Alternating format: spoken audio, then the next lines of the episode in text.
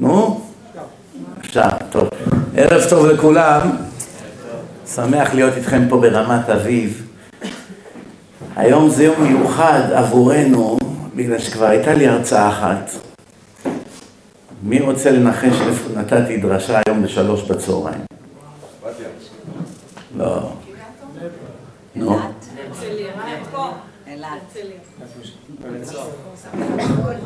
בית הסוהר, כלא מעשיהו. נכנסנו היום ל... לעובי הקורה. פגשתי שם אנשים שנמצאים שם מעל 20-30 שנה. איזה אתר, אי אפשר להכניס לשם בכלל סיכה, אי אפשר להכניס. הורידו לנו את הטלפונים, הכל, שום דבר, מפתחות אי אפשר להכניס. לא שרו דיסקים שלך. לא, לא, חכי, חכי, את לא שמעת את כל הסיפור. חלק כבר חזרו בתשובה מהדיסקים שלי. הדיסקים הגיעו לכלא. בגלל זה היה שם יותר אנשים מפה. יש שם אחת שלושים ושבע שנה. שלושים ושבע שנים. יש כל מיני אנשים שם. יש אגפים, אתם יודעים. לא מערבבים בין האגפים. אבל החלק המעניין, קודם כל, ברוך השם, נתתי שתי דרשות שם, שעה ושעה, שתי אגפים שונים. אחרי שסיימנו את הדרשה, קיבלתי שעה אחרי זה הודעה מזה שארגן את הדרשה, ממש צמרמורת קיבלתי. אסיר שעמד היום להתאבד, כתב לו שאם לא הדרשה הזאת, היום הוא כבר היה הורג את עצמו. זה הציל את חייו. אז אני אומר, עכשיו אני מבין למה באתי לה, רק בשבילו היה שווה.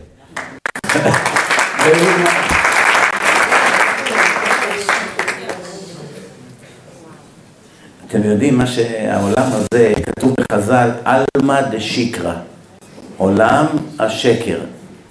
מה זה עולם השקר? לא מה שנראה פה הכל אמת. למשל, אמרתי להם היום דברים שעודדו אותם מאוד. אמרתי לאסירים, אתם חושבים שאתם פה בגלל העבירות שעשיתם פה בעולם הזה?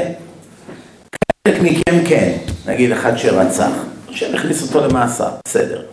אחד שהוא גנב גדול, עובר מאחד לשני וגונב, או מוכר סמים לילדים. לפעמים השם באמת סוגר אותו בכלוב, נכון? אבל יש הרבה אנשים שיושבים במאסר והם בכלל חפים מפשע בעיני השם. אז למה השם מכניס אותם למאסר? מי יודע? כדי להחזיר אותם בתשובה.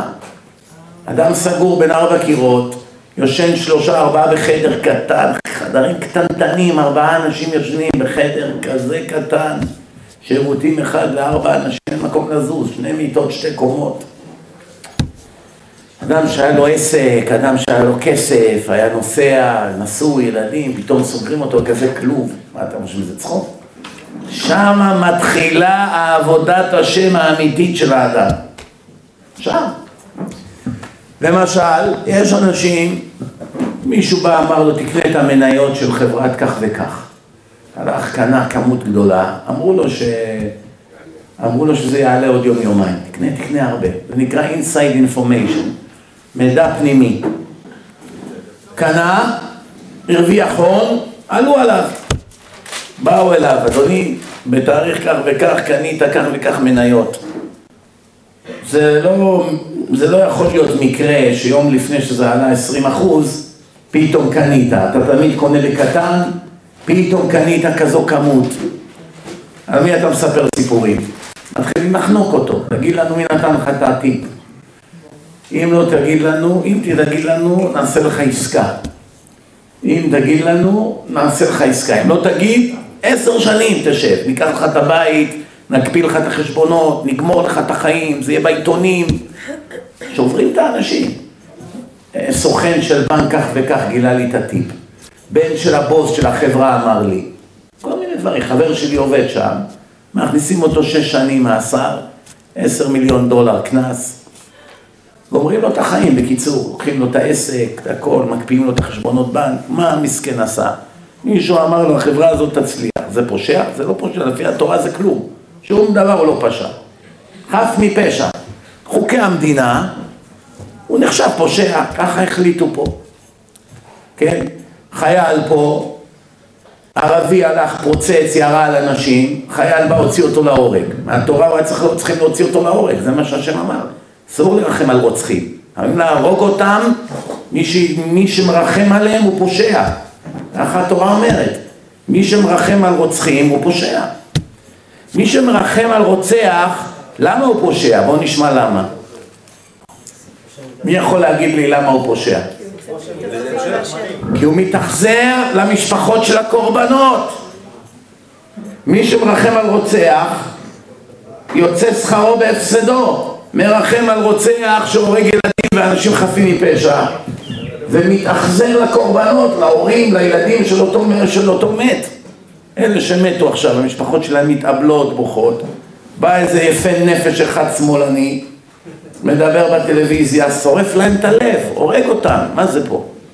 אתם יודעים איזה עונשים יקבלו האנשים האלה?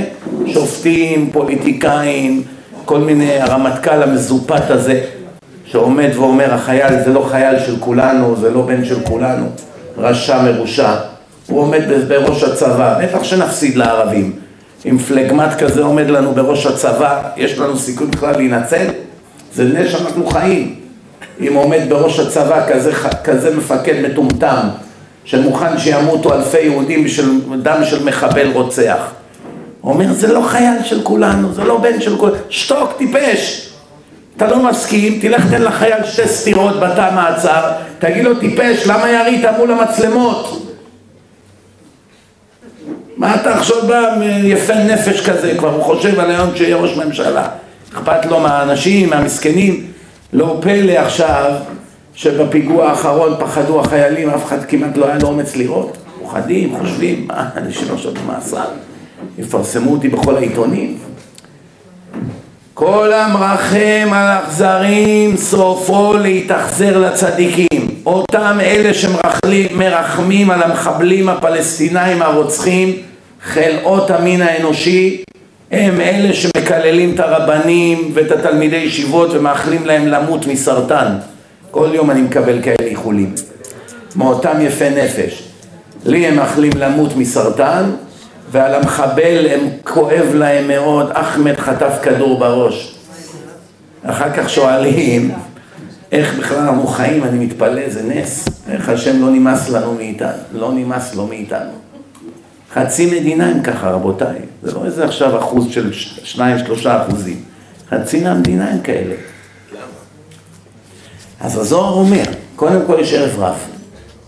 מלא ערב רב. ערב רב, מי זה ערב רב? מה אלה הערב רב האלה? הם יהודים או לא יהודים? מה אתם אומרים?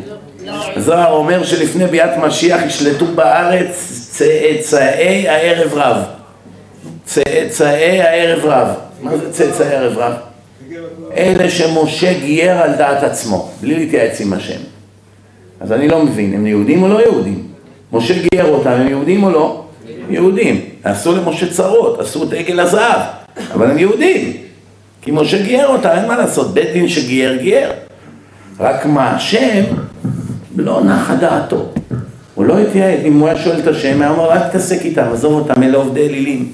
ייקח הרבה דורות עד שיתפטרו מהשטויות שלהם. מה אתה צריך אותם? תוציא את עם ישראל, נגמר, מה עכשיו אתה צריך אותם, להביא אותם גם כן?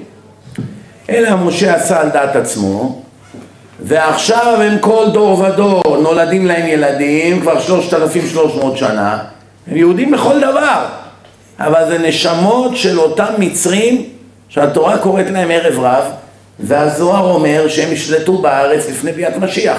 הם ישלטו בעיתונים, הם ישלטו בטלוויזיה, הם ישלטו בממשלה, רואים את זה מפורש. אז אני שואל שאלה, אם הם יהודים, אז מה זאת אומרת צאצאי הערב רב? הזוהר אומר שמשיח יבוא, הם יצאו למלחמה נגדו. אתם שמעתם בחיים שלכם כזה דבר? פתאום שומעים עכשיו שופר בירושלים, זה מתחיל להתפשט לכל העולם. שומעים סירנה בכל העולם, שופר של אליהו הנביא. שומעים את השופר מתפזר בכל העולם, ובאים ואומרים, רגע, המשיח של החרדים מגיע. חייבים לעשות משהו בנידון, רבותיי, בפייסבוק, בוואטסאפים. כולם להתייצב לקרב. החרדים עומדים לכבוש את המדינה. הם צדקו. יש כזה דבר משיח. חס וחלילה, לפני שהחרדים ישתלטו פה על המדינה, כל מי שאכפת לו מהמדינה, לבוא מיד לכותל. יבואו לך עשרות אלפים של שמאלנים, של ערב רב, של שונאי דת. ומה יקרה? זה הזוהר אומר, זה בדיוק ככה יהיה רבותיי, אני אומר לכם בדיוק מה הולך להיות. פתאום תראה מכוניות, אוטובוסים, אופנועים, אנשים באים ברגל, דגלים של מצעד התועבה. כל הזוהמה האנושית שקיימת פה, ומסתם גם ערבים יצטרפו אליהם, יבואו כולם להפגנה בכותל, כי המשיח יורד מהר הזיתים להר הבית. הר הזיתים זה מאחרי הכותל. יהיה בלאגן, חיילים, רעש, CNN, צוותים, תודה רבה. צוותים, תקשורת, ladies and gentlemen, we have breaking news. Something is happening in the western world. משהו קורה פה. חדשות. מה? יש כאן עכשיו איזו אספה, איזה רב אחד ירד מההר, בלגן פה, רעידת אדמה, ההר נפקע לשתיים, מים יוצאים מהאדמה, שיטפון. יהיה בלגן בעולם. קול שופר. עכשיו כולם יגידו, מה זה הרעש הזה? אתם זוכרים שכבר היה בכמה מקומות פה קולות של שופר, שמעתם, לא? דבר מדהים, בכל העולם פתאום שומעים שופר. וואו, כל העיר. עומדים ברוסיה, באוקראינה, באירופה, בארצות הברית, פה בירושלים זה היה.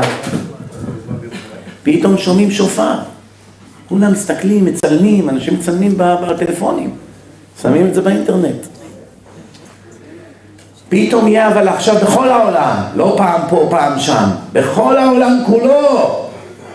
הם השתגעו, אלה מהחדשות. We don't know what's going on here. Maybe it's something to do with the Israeli Air Force. אולי משהו קורה בחיל האוויר. אולי זה איזה משהו של הצבא הישראלי, אנחנו ממש מחכים לעדכונים. פתאום יבואו כל הערב רב וכל אנשי השמאל ביחד עם ה-14 מחבלים שיושבים בכנסת ואז הם יתחילו לגדף את המשיח ואז החגיגה תתחיל. מה כתוב? מכאן והלאה מה יקרה? מי יודע? קראתם פעם את התנ"ך או לא? אה? ראיתי את הסרט שלך. מה אמרתי בסרט? תזכירי לי. אז התחיל, אה, יהיה תמותה. של מי? כל הרשעים. איך הם ימותו? והקדוש ברוך הוא יבוא עם גלימה של כל אדם, של כל השואה וכל היהודים שנראו. וחלק המשיח יהרוג וחלק הקדוש ברוך הוא בעצמו אה, ילחד איתם. כזה. איך אומרים, את קצת יותר מדי יצירתית. הוספת כבר פלפל ומלח לסיפור, אבל אני, איך אומרים, יעדכן את מה שאת אומרת. קודם כל כתוב שהמשיח שורף אותם בהבל פיו. הוא מתחיל להגיד פסוקים, יוצאת אש ענקית. ראיתם את האש שהיה בכרמל? ראיתם, נכון? איך זה הגיע עד לכביש? ככה, הר של אש, יוצא מפיו. עשרים, שלושים, חמישים, מאה אלף שונאי השם, שונאי ישראל, תומכי חמאס, אנשי השמאל, הערב רב, עולים כולם באש, כולם צורכים, נשרפים. והיה ביום ההוא ייתקע בשופר גדול. אני רואה את ההנאה על הפנים של כמה מהאנשים פה. בשביל שנגיע כבר ליום הזה צריכים פשוט להיות צדיקים, זה עוד לא הגיע, כי אין לנו זכות עדיין. מה עם הבינוניים? מי? או, תכף נדבר גם על הבינוניים. קודם כל אלה, כל האלה שבאים להילחם במשיח, הוא שורף אותם בהבל פיו. שורף אותם. אחר כך מתחיל כל הבלגן. הרי מתי המשיח מגיע? מתי בדיוק המשיח יבוא וייכנס לתמונה? מתי? אחישנה נגמר כבר. יש, כתוב בנביא, אני השם בעיטה אחישנה. מה זה בעיטה אחישנה? בעיטה זה בזמן, אחישנה זה לפני הזמן. אחישנה זה אם היו זכויות, הייתי מביא את המשיח לפני התוכנית, לפני אחרית הימים. מה זה אחרית הימים? סוף הימים, לפני. עכשיו אנחנו כבר באחרית הימים. העולם הזה ששת אלפים שנה, ששת אלפים, כל אלף תחלק לארבע, כמה כל רבע? 250 שנה, נכון? ששת אלפים, תחלק את זה לרבעים, זה 24 רבעים. 24 רבעים. מתוכם 23 כבר עבר, נכון? 5,750, 23 רבעים. הרבע האחרון, אנחנו כבר בתוכו, כמה שנים? 27 שנה. 5,777. שמעתם את החדשות על דונלד טראמפ, לא? כן. ההשבעה שלו בגיל 77 חודשים ושבעה ימים וגם התאריכים, הכל יצא שבע, שבע, שבע, השנה גם זה 777. סבן, סבן, סבן. השם שולח מסר לעולם, חביבי. חוסיין הלך, בכה אתמול, חוסיין, ראיתם אותו? סיפר לוקשים לאמריקה, אמריקה הרבה יותר חזקה, איזה חזקה. כולם רועדים שם, חזקה. עכשיו נראה מתחילה החגיגה, איך נראה מה הולך להיות. אבל כל הסימנים מראים שהולך להיות בלאגן גדול בעולם. רואים את זה כבר, העולם לא יכול להמשיך להתקיים כמו שהוא. כל שנייה פיגוע, כל... אי אפשר כבר בעולם. שונאי ישראל, האנגלים, הצרפתים, הגרמנים, שונאי ישראל, אלה צאצאי עמלק.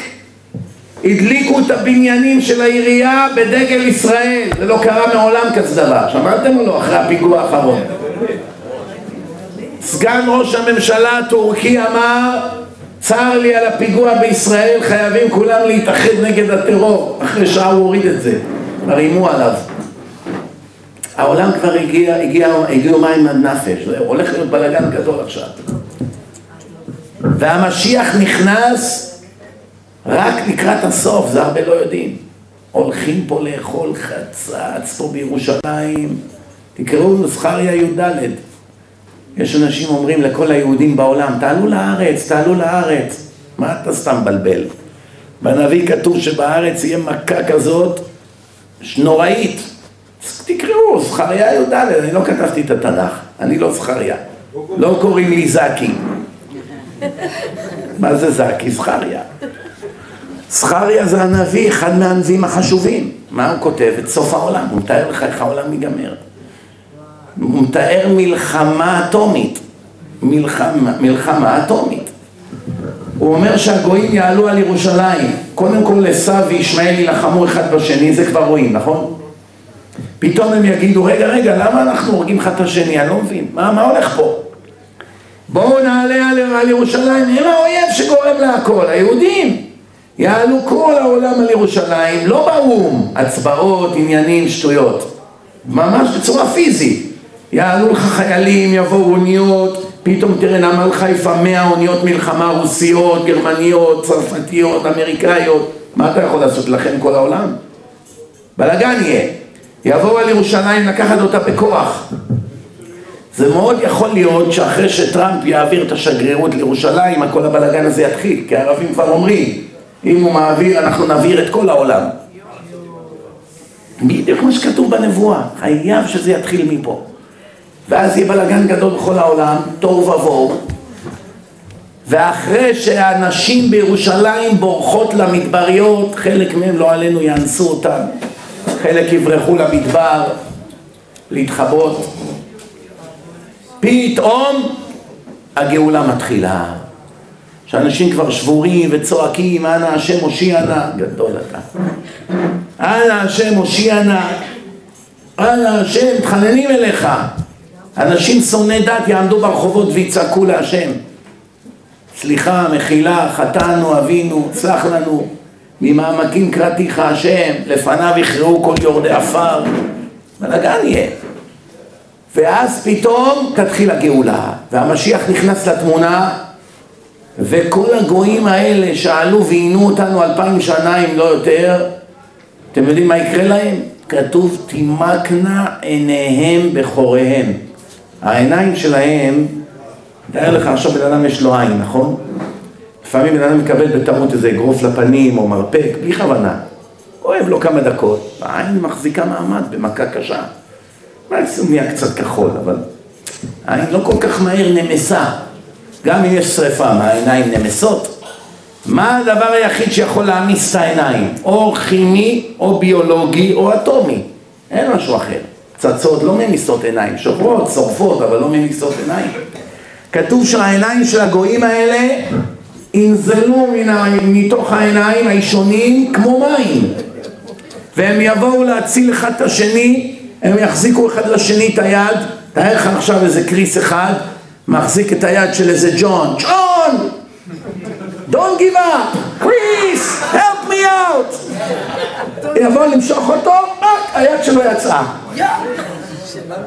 הוא מחזיק את היד שלו עכשיו, יצא מהכתף, יצא מהמרפק. ככה כתוב, רבותיי, הנביא, תחשבו, הנביא בזמן שלו לא היה רובה אפילו. היה חץ וקשת וחרבות. איזה נביא יכל לפני 2400 שנה לכתוב כזה דבר? לא היו זומבים. אומר שהידיים שלהם יצאו, יחתכו לחתיכות, הם יטבעו בתוך האש. עד שזה יהיה, מי יודע מתי זה יהיה, עוד שנה, עוד חמש, מי יודע, השם רק יודע. אי אפשר לדעת לעולם מתי הגאולה תתחיל, זה אי אפשר לדעת. מה שכן, כל הסימנים התקיימו, כל הסימנים כבר התקיימו. אנחנו קרובים לזה מאוד. אני אומר לכם, רבותיי, תדעו דבר אחד. יש הרבה אנשים שומרים, יש אנשים שלא שומרים, יש כאלה חצי חצי. דבר אחד צריכים לדעת, כדי להיגאל חייבים להיות בעלי אמונה ברמה גבוהה. עכשיו, אמונה זה מסוג הדברים, זה כמו מכון כושר. כשאדם הולך למכון כושר ועכשיו הוא מתאמן, אז עכשיו הוא נגיד מתאמן, דוגמה, חצי שנה, נהיה לו קצת שרירים, איך אומרים? מתחזק.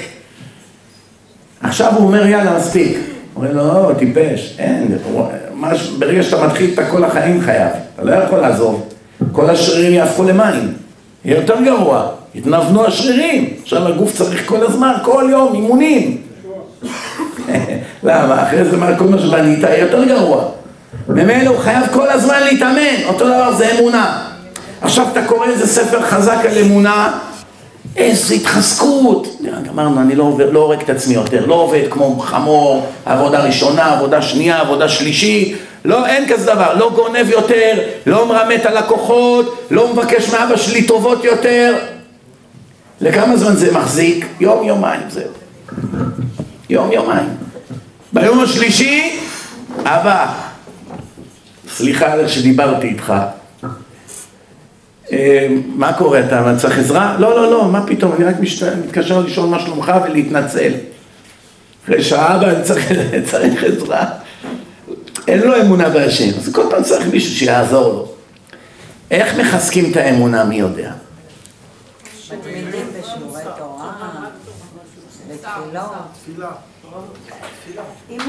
אני מכיר אנשים, כל החיים שלהם מלמדים תורה ואין להם אחוז אמונה בהשם. בכלל לא מאמינים בהשם. בביזנס הם, איך אומרים, אריות, דוחפים, מרמים. מה, חביבי, אתה לומד 20 שנה גמרא, איך אתה ככה, מה? מה הולך איתך? תראה, זה, זה בקושי מסורתי, הוא כבר יש לו יותר אמונה ממך. אמונה זה כמו, אמרתי לכם, זה כמו עבודה יומיומית. יום יומיים אתה עוזב, מיד אתה נופל. אני אספר לכם, קודם כל צריכים לשים לב לפרטים, לכל פרט ופרט. למשל, במוצאי שבת דיברתי בקריית אונו, היה שם מאות אנשים, זה אודיטריום, מקום של מוזיקה, לא יודע, מעל 500 איש לדעתי היו שם.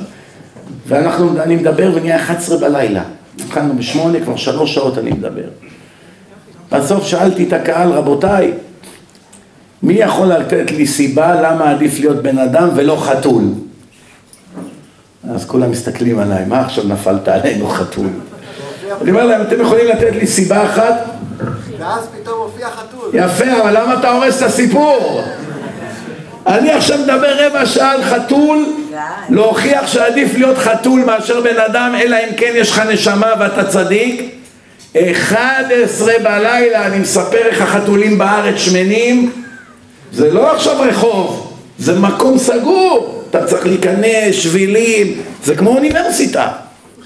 שעה 11 בלילה נכנס חתול כזה שמן לתוך האולם. איך שאני מדבר על חתול, פתאום נכנס חתול בא לידי על הבמה. כולם קמו פתאום, וואו! כולם נעמדו פתאום, לא, מה קרה? יש פה חתול, נכנס חתול. אדם צריך לפתוח את העיניים, לראות, השם מראה לך, אני פה חביבי, כל רגע אני איתך. אתה לא רואה מה, אתה עיוור? פעם אחת אני נכנס הביתה שעה שתיים בצהריים, שמעו את הסיפור הזה. שתיים בצהריים. איך שאני פותח את הדלת, אני רואה מולי אשתי עומדת עם כרטיס אשראי וטלפון. עכשיו רוב הבתים זה דבר של יום יום. אתה נכנס הביתה, האישה עם הכרטיס אשראי ביד ועם הטלפון. אצלי זה לא כל כך קורה כל יום, זה קורה כל יומיים. כן? קיצור, אני נכנס, אני רואה עכשיו אשתי עם הטלפון עם הכרטיס אשראי. מה את קונה? אני מזמינה צ'קים. מה, נגמרו לנו הצ'קים? כן.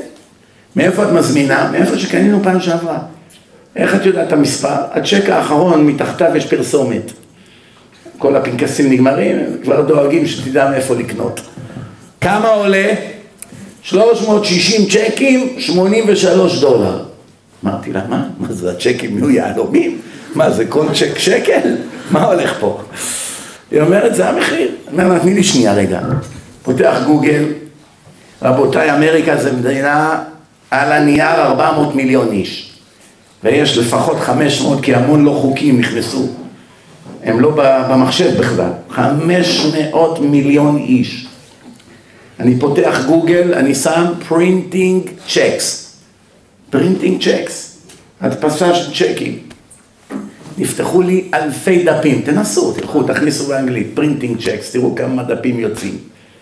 אלפים של דפים, מלאים במספרי טלפון, חברות, כל בן אדם שני באמריקה מדפיס צ'קים. אמרתי, מה עכשיו, איפה אני אחפש עכשיו, מה אני אבזבז בשביל לחסוך 50 דולר, אני אבזבז עכשיו שעה? אמרתי, ריבונו של עולם, אני בוחר אחד סתם מספר אקראי, תוליך אותי למקום הנכון. מסתכל, לחצתי. פתאום אני רואה גלריה יפה, 600, 600 צ'קים, 30 דולר, 30 ומשהו דולר. אפילו לא רבע מחיר. אמרתי, יאללה, מספיק, זה טוב מספיק. אמרתי, בואו אני אזמין, יש להם מספר, אני מחייג למספר שלהם. אומר, for customer service, press 1. For ordering checks, press 2. For this, press 3. For flyers, press 4. אתם מכירים את זה, לא? טוב. לוחץ. מחכה מוזיקה, עונה לי אחד. Hello, good afternoon, how can I help you? שלום, אני נמצא באתר שלכם, אני רוצה להזמין צ'קים. יפה, איזה מהם? מספר, אני יודע מה, A30. או, כן, בסדר, כמה זה עולה? לבדוק שזה אמיתי, אומר 30 ומשהו דולר, כמה? 600. אומר, אני אומר לו, זה כולל דמי משלוח? תשמעו, סיפור כזה בחיים שלכם לא שמעתם וכנראה גם לא תשמעו. אני אומר לו, כולל דמי משלוח? אומר לי, לא, דמי משלוח זה לחוד. אמרתי, הנה, עכשיו יגיד לי עוד 50 דולר דמי משלוח, עובדים עלינו בעיניים. אני אומר לו, כמה עולה הדמי משלוח? אומר לי, תלוי לאיזה מדינה. באמריקה יש הרבה מדינות. אני אומר לו, לניו יורק, מונסי ניו יורק, אני אומר לו. אומר לי, where in מונסי? איפה במונסי? עכשיו, מה, מי שואל כזו שאלה? אתה אומר לו, חולון, זה חולון, כל, כל חולון אותו מחיר. בת ים, כל בת ים אותו מחיר. אומר לי, איפה במונסי? אמרתי, כנראה שזה רמאות, עוד מעט יבוא ישדוד אותי זה. לא אמר, אמרתי, אני לא אתן לו את הכתובת המדויקת. אמרתי לו, הייביו פינת נלסון.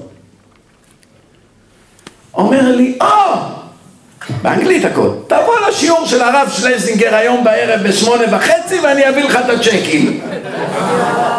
אני מצאתי אותו בגוגל, לא יודע עכשיו מאיפה הוא. אני אומר, ליד הבית שלי יש בית כנסת עם איזה רב חסיד, כל לילה נותן שיעור, רב שלזינגר קוראים לו, צדיק. אני אומר לו, מה, אתה בא לשיעורים של רב שלזינגר? אומר, כן. אמרתי לו, מה אתה אומר? מה, אתה גם כן גר במונסי? מה, אתם חושבים שהסיפור נגמר? עוד לא התחיל. אמרתי לו, מה, אתה גם כן גר במונסי? אומר לי, כן. אני אומר לו, איפה אתה גר במונסי? אומר לי, בייטס דרייב. אני אומר לו, וואו, אני גרתי בבית דרייב. אמרתי לו, איזה מספר? איפה הוא גר, רבותיי? בבית איפה שאני גרתי הוא גר. אתם מאמינים כזה דבר? נו, תגידו לי, יכול להיות כזה דבר בצורה מקרית. חמש מאות מיליון אנשים באמריקה. מי נפל עליי? חברה, דווקא הסוכן שגר איפה שאני זה, ענה לטלפון. עכשיו בשביל מה כל זה השם עשה? שתחסוך לי 40 דולר? כמובן, זה בוודאי לא השם, זה גם לא מה שמרגש, כן? אפילו היה חוסך דולר, מה זה משנה כרגע? זה לא הכסף פה, זה העניין עיוור, מה אתה לא רואה שאני מנהל את העולם? צריך סמינר אחרי כזה דבר? אני שואל. אז אני השתגעתי, אמרתי, לא יאומן כי יסופר. בסוף הלכתי למחרת, עברתי מהבית שלו, אני בא, אני נזכר בבית, לקחתי מהבת שלו את הצ'קים, ככה היה המעשה. בואו אני אספר לכם עוד סיפור דומה. יום אחד אני מתקשר לסיטי בנק. זה בנק ענק באמריקה. אין סוף עובדים יש שם, עשרות אלפים. אני מסביר עכשיו לסוכן שעונה, אתם יודעים, באמריקה כל דבר לוקח פי ארבע מפה. למה עד שהם מבינים זה פי ארבע ממה שפה. דוגמה, פה אתה מסביר לישראלי על הבעיה שיש לך, הוא מבין תוך חמש דקות, שם עשרים דקות. אין מה לעשות, זה הראש שלהם אטום. אז אני אומר לו, תשמע אדוני, אני מעולם לא החזרתי צ'ק לבן אדם. אף פעם, ברוך השם. נתתי צ'ק לבן אדם, הוא מתקשר אליי, אומר לי, הצ'ק חזר, ויש כסף בחשבון. מה מספר הצ'ק, מה מספר החשבון, בודק, אומר, אתה צודק, היה שם כסף בחשבון, זה טעות מחשב. אמרתי לו, אני מבקש ממך לכתוב לי מכתב התנצלות לבן אדם בשם כך וכך, ותגיד לו שזה אשמת הבנק, לא אשמתי, כי אני לא רוצה שיחשוב שאני לא אדם אמין. אומר לי, בוודאי, אין שום בעיה, תגיד לי מה השם שלו ואנחנו נדפיס את המכתב. עשרים דקות אני מסביר לו, עד שקודם כל הוא הבין, עד שהוא הבין שה, שהיה כסף בחשבון, אחרי עשרים דקות שאני מזיע, מסביר לו, התנתקה השיחה. אני הייתי עכשיו עם הפלאפון שלי, התנתקה השיחה, או, איזה מכה עכשיו להתחיל הכל מחדש. מה אני אעשה? אני צריך את המכתב הזה להתנצל. אני מטלפן חזרה לסיטי בנק. רבותיי, באמריקה יש מעל 50 מדינות. בכל מדינה יש להם כמה בניינים, שבכל בניין יש אלפי אנשים, זה לא איזה בנק דיסקונט פה, בקושי ארבע סניפים. מדבר איתכם על אלפי סניפים, אלפי בניינים, אנשים, מערכות מחשוב, זה שולח כל פעם למדינה אחרת. פעם אחת אתה מטלפן, זה הולך לטקסס. אחרי שנייה אתה מטלפן, הולך לקרוליינה. אחרי שנייה ניו ג'רזי, זה כל המחשב יודע איפה פנוי, זו מערכת אדירה. אני מתקשר מחדש, אומר customer service, תלחץ זירו, לוחץ, עונה בן אדם. אני אומר לו, אדוני, יש לי איזה בעיה, אני עכשיו נתתי צ'ק לאיזה מישהו והצ'ק חזר והכסף היה בחשבון. עכשיו הייתי עם איזה סוכן שלכם 20 דקות, הסברתי לו שאני צריך מכתב התנצלות, פתאום הבן אדם צועק לי, סר! סר! הגוי התחיל לראות בטלפון, It's me! זה אני, הוא אומר לי. אני אומר לו, זה אתה שדיברתי איתו? אומר לי, כן. אומר לי, אתה יודע מה הסיכוי שתתקשר אחרי דקה ויענה אותו בן אדם?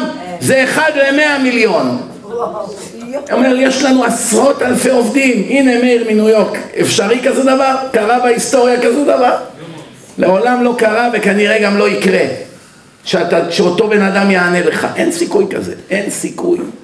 מבחינה סטטיסטית. הוא אומר לי, זה אני, אתה מבין מה קרה פה? הגוי אומר לי, הגוי נותן לי עכשיו שיעור באמונה. עכשיו, מה, למה השם עשה את זה? לחסוך לי עשרים דקות זמן? מילא אם הייתי אה, הרב אלישיב, לא מבזבז דקה בחייו, מילא. אז אתה יודע שהשם היה עושה לו נס גלוי. אבל פה זה רק כדי להעיר אותך. תראה מה זה, אני מנהל את העולם. יש אלפי סיפורים כאלה, דברים מדהימים, מדהימים. היה איזה בחור אחד אצלי פעם, התחיל לבוא לשיעורים ימי רביעי בברוקלין, בחור חילוני. הוא מהארץ, אבל חי בניו יורק. התחיל להתחזק. אמרתי לו, אולי תבוא אלינו ליום כיפור. אה, מה זה? לא, ישיבה, מונסי, תבוא, תשן אצלי, אל תדאג. אוקיי, אני בא. הבן אדם מגיע, תפילת ערבית של יום כיפור זה בערך שלוש שעות. הסתיימה, באים הביתה, יושבים אצלי עכשיו במרפסת, קצת אוויר, מדברים על החיים. איך הגעת לשיעורים, אני שואל אותו. אומר לי, אתה יודע איך הגעתי לשיעורים? בוא אני אספר לך סיפור. אני עבדתי בשביל איזה מאפיונר ישראלי, סוחר סמים הכי גדול. אני הייתי אחד השליחים שלו, מעביר מזוודות של כדורי אקסטזי. אומר לי, יום אחד הוא אומר לי, אתה צריך לנסוע באוטובוסים מניו יורק ללוס אנג'לס. אתם יודעים מה זה? מניו יורק אנג'לס זה שש שעות טיסה, חמש שעות טיסה. תאר לך באוטובוסים זה יומיים, שלושה. אוטובוסים, וצריכים להחליף כמה אוטובוסים. אני צריך להביא מזוודה עם חמישים אלף כדורי אקסטזי. עכשיו שמה באמריקה סמים זה יותר גרוע מרצח. סוחר סמים בכמויות כאלה, גמרים, גומרים אותך. ארבעים, חמישים שנה מאסר. וזה לא כאלה כמו פה, נותנים לרב לדבר. שם אתה מאבד צלם אנוש שם. איזה אנשים, איזה חלאות יש שם, איזה טיפוסים, איזה מפלצות. נורא ואיום מה שהולך שם. צוערים שם נאצים, מגולחי ראש, בריונים כאלה, אין להם נשמה. באמריקה תופס אותך שוטר, אם אתה בטעות פותח את הדלת ויוצא, הוא מסוגל לירות בך. בלי רחמים בכלל. על זה שרצית לצאת אליו שנייה להגיד, תגיד, כמה זמן לוקח למלא רפורט? רק יצאת מהאור, הוא צועק לך ברמקול, כן, הנה קר! צועק לך, מה זה, אתה כולך רועד. טעות, אתה מזיז את היד, או איזה תנועה, ישר השני מוציא את האקדח, זה לא כמו פה, אחי, איזה בית ספר למדת? אתה נראה לי מוכר. אתה בת ימי? גם אני, גורדון, וואלה, כן, איציק, נכון? למה אתה עושה בעיות מזרחי? תפס אותי אחד עושה פרסה פה פעם. גם אני מזרחי. עוד מעט הוא הולך, לוקח אותי לשיפודי התקווה. שוטר, איפה יש לך באמריקה כאלה דברים? פעם אחת היה לי נס, תפס אותי, תפס אותי, רישיונות, זה, ביטוחים. אמרתי, עכשיו הוא נותן לי חגורה, לא עצרתי בדיוק בקו של העצור, לא אותתתי, כבר אני רואה ארבע רפורטים, טוב, גמר עליי. איך שאני מחפש את הניירות, פתאום הוא קיבל קריאה. הוא אומר לי ככה, it's your day, זרק לי את הרישיונות וברח. קראו לו, קיבל קריאה. טוב, איפה היינו? הבחור הזה עכשיו הולך להביא מזוודה חמישים אלף כדורי אקסטזי. שומעים מה זה? מזוודה מלאה. הוא נוסע באוטובוסים, נוסע, נוסע, נוסע, מגיע עכשיו שעתיים ליד ניו יורק. פתאום מחסום משטרתי. מחסום משטרתי. הוא, הוא האחרון באוטובוס בצד של הנהג, בצד שמאל. עולים שני FBI עם פנסים, אחד בדלת הקדמית, אחד בדלת האמצעית. מסתכלים ככה על האנשים, כולם להציג אה, ID, תעודת זהות. כל האנשים מוציאים, מחכים, עובר, מסתכל, בודק את האנשים. הוא האחרון. עכשיו, הוא מספר לי, אתה יודע מה זה עכשיו? אני דקה מלפני חמישים שנה בית סוהר, כלא פדרלי באמריקה. תאר לך עכשיו מה עובר עליי. הוא מגיע עד אליי, הסוכן, מסתכל עליי, עכשיו אני לא יכול לשלוט בעצמי, אני נוטף מים מה, מהלחץ. מסתכל, הוא רואה על המז... מתחת למושב חצי מזוודה, קריון, מזוודה, חצי בפנים, חצי בחוץ. אומר לו, what do you got over there? עם הסוטקייס, מה יש לך שם? אומר לו, my personal stuff, הדברים האישיים שלי. אומר לו, open it up. לאף אחד הוא לא אמר, open, מה יש לך? כלום. כנראה קלט עליו. הוא אומר, עכשיו אני מתכופף, אני מוציא את המזוודה, מניח אותה על הכיסא, אני עכשיו שורדתי את הראש, אני חילוני גמור, אומר. מהבר המצווה לא ראיתי את התפילין בכלל. אומר, אני פותח עכשיו ככה, הכל כמובן, כל שנייה להרוויח. פותח את הרוחסן, ככה, גמרתי את הסיבוב, זהו, עכשיו אני שתי שניות ממוות, יותר גרוע ממוות. איך שאני עושה ככה, הכל בשקיות, כולם מסתכלים, פתאום ההוא צועק, ג'ורג', we got him! פתאום הוא הסתובב, התחיל לרוץ. וואו. מילים, עוד שנייה, אני אומר, אומר לי, עוד שנייה, זהו, ממש נשארה לי שנייה אחרונה לעשות ככה ונגמר. הם חיפשו איזה אסיר נמלט. ותפסו אותו, תראו מה זה, איך השם גלגל שיתפסו אותו, עוד שנייה היו תופסים אותו, היו כבר תופסים על הדרך עוד אחד. אומר לי, איך אני לא אבוא לשיעורי תורה? כשהורדתי את הראש, אמרתי, ריבונו של עולם, אם אתה מציל אותי, אני חוזר בתשובה כל החיים. בקיצור, הוא בא לשיעורים, חזר בתשובה. יום אחד אני רואה, מופיע עם איזה אחת לשיעור. לא, לא, ישראלית, אבל בנוסח של קריסטין. מכנסי אור כאלה, חושבת שהיא איזה דוגמנית, כן? התחיל להביא אותה לשיעורים. אני רואה יום רביעי הוא בא, עוד יום רביעי בא, עוד יום רביעי בא. אומר לי, כבר שומרת שבת וזה, טוב. בקיצור, יום אחד הוא אומר לי, כבוד הרב, אני עכשיו לא אהיה כאן חודש, אנחנו נוסעים לארץ להתחתן. אחרי כמה חודשים. טוב, מזל טוב, בוא תדאג שהיא תחזור, צניעות זה, טוב, אל תדאג, מתקדמים, טוב. הבן אדם נוסע לארץ עכשיו.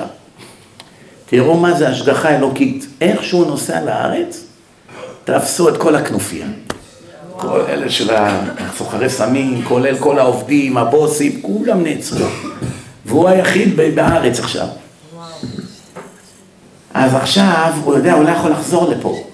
עכשיו הוא עומד להתחתן. תשמעו איזה מעשה, איזה סיפור נוראי זה. הוא עוד שבועיים מתחתן הבן אדם. בינתיים אין לו לאן לחזור. כל הדברים שלו, המכונית, הכל באמריקה, אין לו לאן לחזור. תפסו את כולם, מחפשים גם אותו. שבועיים לפני החתונה, הוא פתאום נכנס הביתה באמצע היום, כבר לקח דירה, הכל. הוא תופס את הבחורה עם החבר הכי טוב שלו בחדרי חדרים. שבועיים לפני החתונה. מתקשר אליי שבור, בוכה, אמרתי לו, טיפש, איזה מזל יש לך, השם ריחם עליך שת, שזה שבועיים לפני ולא שבועיים אחרי. מה, מה היה קורה לך אם זה היה חצי שנה אחרי? אתם יודעים כמה אנשים יושבים פה בבתי סוהר בגלל שהאנשים שלהם בגדו בהם והתקשרו למשטרה להגיד שהוא אנס אותה או שהוא מרביץ לה. לא שואלים שאלות, באים בלי הוכחות, בלי כלום, שמים לו אזיקים, לוקחים אותו למאסר. אין מה לעשות, אנשים מסכנים. האישה, איך אומרים, הרצחת וגם ירשת. אומרים להם את החיים, שש, שבע שנים מאסר, אין מה לעשות, לך תוכיח עכשיו. בלי עדים, בלי כלום, מילה שלה, בוכה, עושה הצגות. אנשים מסכנים, יושבים בבית סוהר שנים. האדם לא שילם מזונות, לפעמים האדם אין לו כסף. יש כאלה חלאות. בשביל לענות את האישה מוכנים להרעיב את הילדים שלהם. אלה, אין לי עליהם שום רחמים על כאלה אנשים. אבל מה, חסר אנשים שאין להם עבודה, באמת אין להם כסף? אין להם כסף פשוט. אין לבן אדם כסף. רואים, החשבון ריק, צ'קים חוזרים. לא שילמת מזונות? מה עשה? לא אכפת להם, שב בבית הסוהר. מה אתה רוצה שאני אעשה? אשדוד חנויות, מכוניות? מה?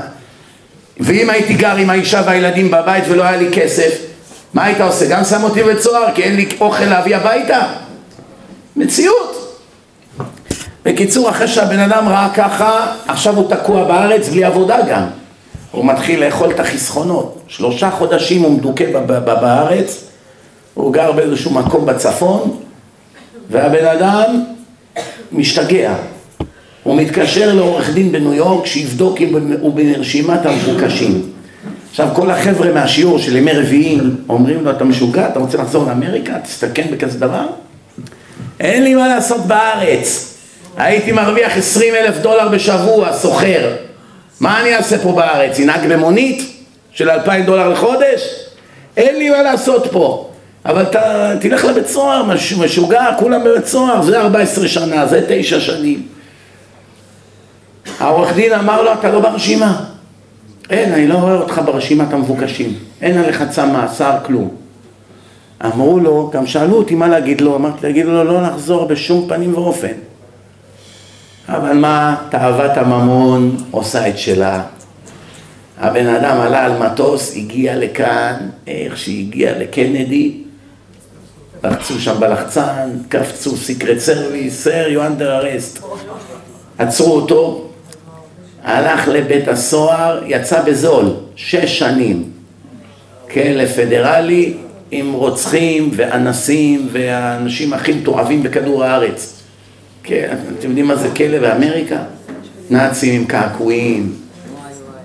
אם תהיה בכלא אמריקאי שנה ולא יאנסו אותך מאה פעמים זה נס. וואו. מה הם עושים שם לאסירים בלילה? יש שם כנופיות, אונסים שם אנשים, בן אדם יהודי עכשיו אונסים אותו לילה לילה, הוא לא יכול לעשות שום דבר. דבר יחנקו אותך פה, זה כנופיות, אבוד. יש עכשיו 40 איש בחדר, שירותים באמצע החדר, אתה צריך לשבת בשירותים ואין קירות. דמיינו עכשיו, הנה כאן כל כך הרבה אנשים יושבים פה, השתבח שמו. רק עשייה, מה הולך פה היום? אולי צריך לעשות משיח כבר. אה? עשינו ככה, נחבא האור. שומעים? זה השעון שבת. זה החתולה של רבת אביב. טוב, שומעים? בן אדם צריך לשבת עכשיו וכל הרוצחים וכל אלה שיושבים איתו בחדר מסתכלים עליו עכשיו. בן אדם צריך לשבת בשירותים, אין קירות. 40 מפלצות יושבים ומסתכלים על הבן אדם. רק בשביל זה כדאי למות. כל יום ככה, אין קירות, שלא יתאבדו, שלא יהרגו אנשים בפנים. הכל פתוח. פחד מוות זה, פחד מוות. רבותיי, להזדרז, אנחנו בשידור ישיר. מה קרה לאור? אה? לא נדלק? השתבח שמו לעד. אולי הגאולה התחילה ואנחנו לא יודעים.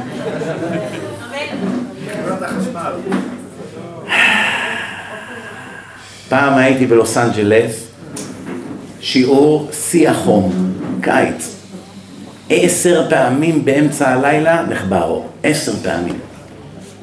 כל, הייתי מדבר עשר דקות, נופל המזגנים, מרוב החום שהיה שם, זה לא עמד בלחץ.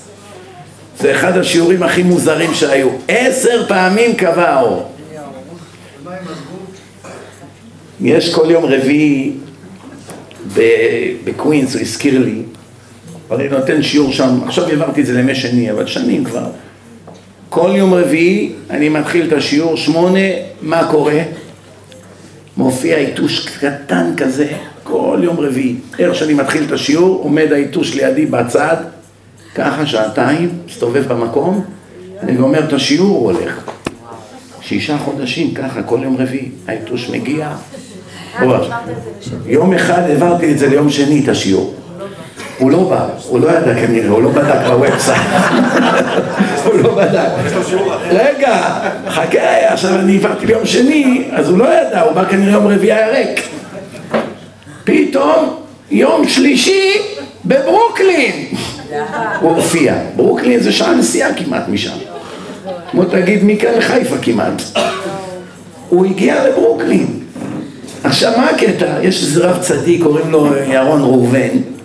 הוא גר בפלורידה. הוא עכשיו, איך, אומרים, מהכוכבים העולים, גם בעברית, גם באנגלית. הזמנתי אותו לדבר בדרשה שלי, רציתי שיהיה לו חשיפה קצת יותר וזה. הזמנתי אותו לדבר ביום שלישי, הוא מדבר עשר דקות, הוא אומר לי, כבוד הרב, העיתוש שלך, הוא נראה לי שהוא פה. הוא אומר לי, הוא כבר יודע, אני עליתי אחריו, העיתוש הזה לא עוזב אותך. גלגולים.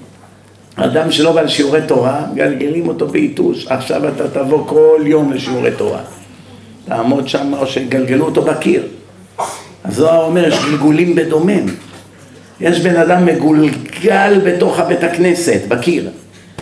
מאה שנה בתוך הקיר של הבית הכנסת. כל היום שומע תפילות וקדישים. האדם היה לו בית כנסת בשכונה ולא בא. מגולגל בתוך הקיר. יש איזו אישה אחת בניו יורק לא יאומן, יש לה עיניים רוחניות. שמעתם על זה פעם או לא? היא מסתכלת על כל בן אדם במצח, היא רואה פרצופים ואותיות. עכשיו היא אמריקאית, היא לא יודעת מילה בעברית, כלום. היא מסתכלת, יהודייה, היא מסתכלת במצח של אנשים, או שהיא רואה פרצופים, או שהיא רואה פסוקים, או שהיא רואה חור שחור. היא אומרת, האנשים הכי רעים זה חור שחור. האנשים, יש כל מיני פרצופים ויש פסוקים. אמרתי לה, מה את רואה על המצח שלי? אומרת לי פסוקים. אמרתי לה, את יכולה לכתוב מה את רואה? עכשיו, היא לא יודעת עברית. היא התחילה לכתוב לי פסוקים מהנביא ישעיה. על המצח היא רואה. פחד מוות. עכשיו, היא רואה גם שדים. היא רואה שדים עם קרניים, כל מיני דמויות. היא מתארת אותם. אמרתי לה, מה את עושה? היא אומרת, אני חיה בפחדים. עכשיו, בעלה לא יודע מזה. חושב, מה, היא כל הזמן בלחצים, פחדים, היא רואה דברים, הוא לא יודע מזה, היא מפוחדת להגיד לו. אז היא אומרת, לא, אז אני מדבר בניו יורק. אז היא אומרת, אז אני אומר, מה את עושה? היא אומרת, לפעמים אני מחזיקה את הזוהר, אני שמה, אז הם הולכים. זה פחד פחדים. יום אחד אני מקבל טלפון, איזו אישה אחת אומרת, כבוד הרב, יש לי ילדה בת 12, עכשיו היא כבר בת 16. בגיל 12 התחילה להגיד שהיא רואה איזה איש יושב על המיטה שלה. אמרתי לנו, אומרת, כל יום היא עולה לחדר שלה למעלה, יש איזה בן אדם יושב לה על, החדר, על המיטה. אמרתי לה, היא רואה דמות? היא אומרת, כן. נו, אז, אז למה אני מתקשרת אליך אחרי ארבע שנים? כי אתמול בלילה הוא ניסה לחנוק אותה, זה אחרי ארבע שנים שהוא נגע בה. הוא יושב ככה עם הראש למטה, אתמול בלילה התחילה לצרוח, היא משתגעת וזה, עלינו לחדר, אנחנו רואים אותה בוכה, צורחת, היא כבר לא רוצה לעלות יותר לחדר. מה אפשר לעשות? לעשות לה תיקונים לילדה הזאת. ארבע שנים יושב בן אדם על המיטה, ילדה מתארת איך הוא נראה. יש איזה אחד מרחובות, בלי להגיד שמות. הוא בא אליי עם שני חברים לפני מעל 13-14 שנה זה היה, עוד בבית הקודם שגרתי בו. אחד מהם צנחן, השני גם כן fighter, והטיפוס הזה. שלושתם באים אליי לשבת, יום שישי בערב. יושבים בשולחן שבת, אצלי בבית החצוף הזה, מה עושה? מגדף את הרב עובדיה. אצלי בבית, שולחן שבת. ריבונו של עולם, מארחים אותך, אתה יושן פה, אוכל פה, אתה מצאת את מי לגדף? השני חברים שלו, שלושתם עכשיו אז היו חילונים. אומרים לו, מה יש לך אתה? אתה בבית של הרב, אתה מגדף את הרב עובדיה? מה יש לך אתה? אתה לא נעים לך, אל תשמע, לך לחוץ, מה אתה עכשיו מלחם? מה אתם מטומטמים? מה אתם... קיצור, ויכוח מכוער. מה אני עכשיו אעשה? גרש אותו, שבת עכשיו. יושב ככה, אוכל את הלב שלי. פתאום ההוא, אומרים, הגיעו מים עד נפש. הוא ראה שאף אחד לא לטובתו, היו עוד אורחים והוא עובד. הוא קם, זרק ככה את הכיסא על השולחן, הלך לחדר. נכנס לחדר. לא עברה דקה, דקה לא עברה. הרב עובדיה אז היה חי. לא עברה דקה. אנחנו שומעים צריכות מהחדר. קפצנו שלושתנו, רצנו לחדר, פותחים את הדלת, רואים אותו יושב על המיטה, העיניים שלו יצאו אולי עשרים סנטימטר החוצה כמעט. ככה יצאו, וככה הוא תופס את הגרון, ככה הוא זז במיטה, צורח. אמרתי, אל תיגעו, תזהרו. ככה איזה כמה שניות, זה הפסיק פתאום. עכשיו הוא מתנשף, אה, ככה, מתנשף, מתנשף. מה קרה? נרדמתי, בא איזה מישהו חנק אותי בחלום. חנק אותי בחלום. אז החבר שלו, הצנחן, אומר לו, אתה רואה מה קורה שאתה מדבר על צדיקים? עם כל הגאווה שלו, הוא לא צייץ. ישב ככה עמום, לכם, הוא התאפק לא לבכות. עוברים כמה חודשים, יום אחד אני מתקשר לארץ, מה עם ההוא? וואלה, חזר בתשובה חזק, הוא מוסר עכשיו שיעור בבן איש חי בבית הכנסת.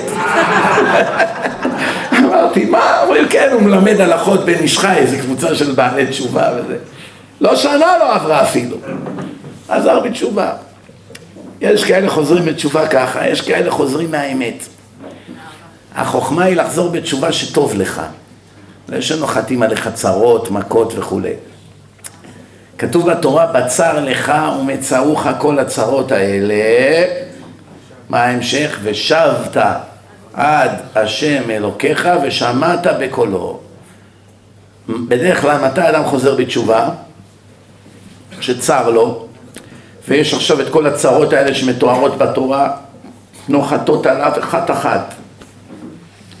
ושבת עד השם אלוקיך, לא חצי דרך, עד השם אלוקיך ושמעת בקולו. ומה ההמשך? ושב השם אלוקיך וריחמך.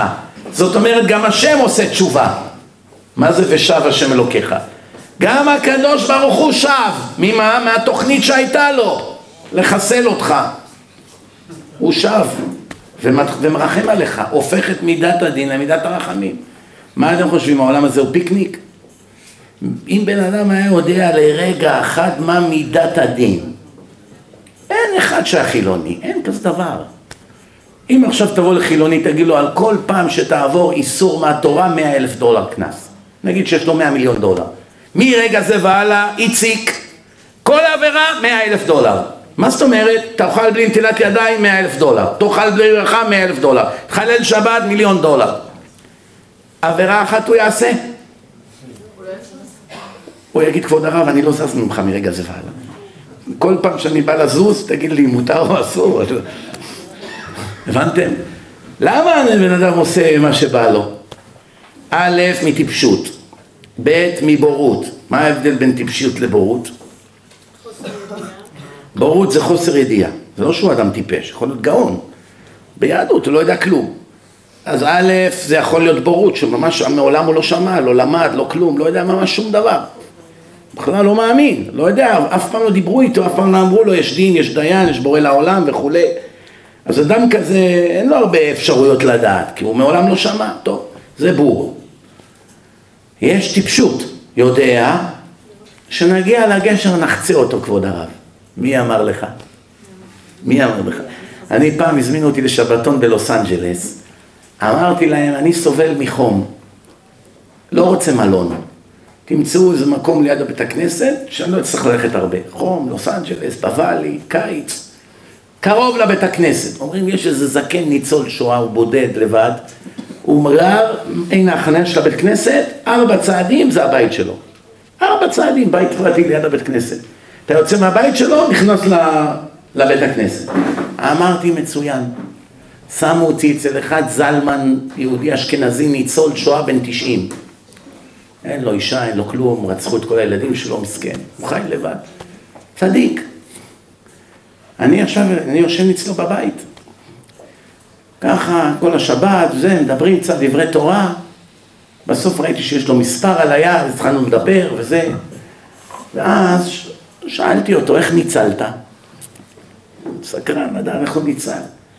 בהבדלה הוא סיפר לי, היה כבר מוצאי שבת, עשינו הבדלה אני והוא.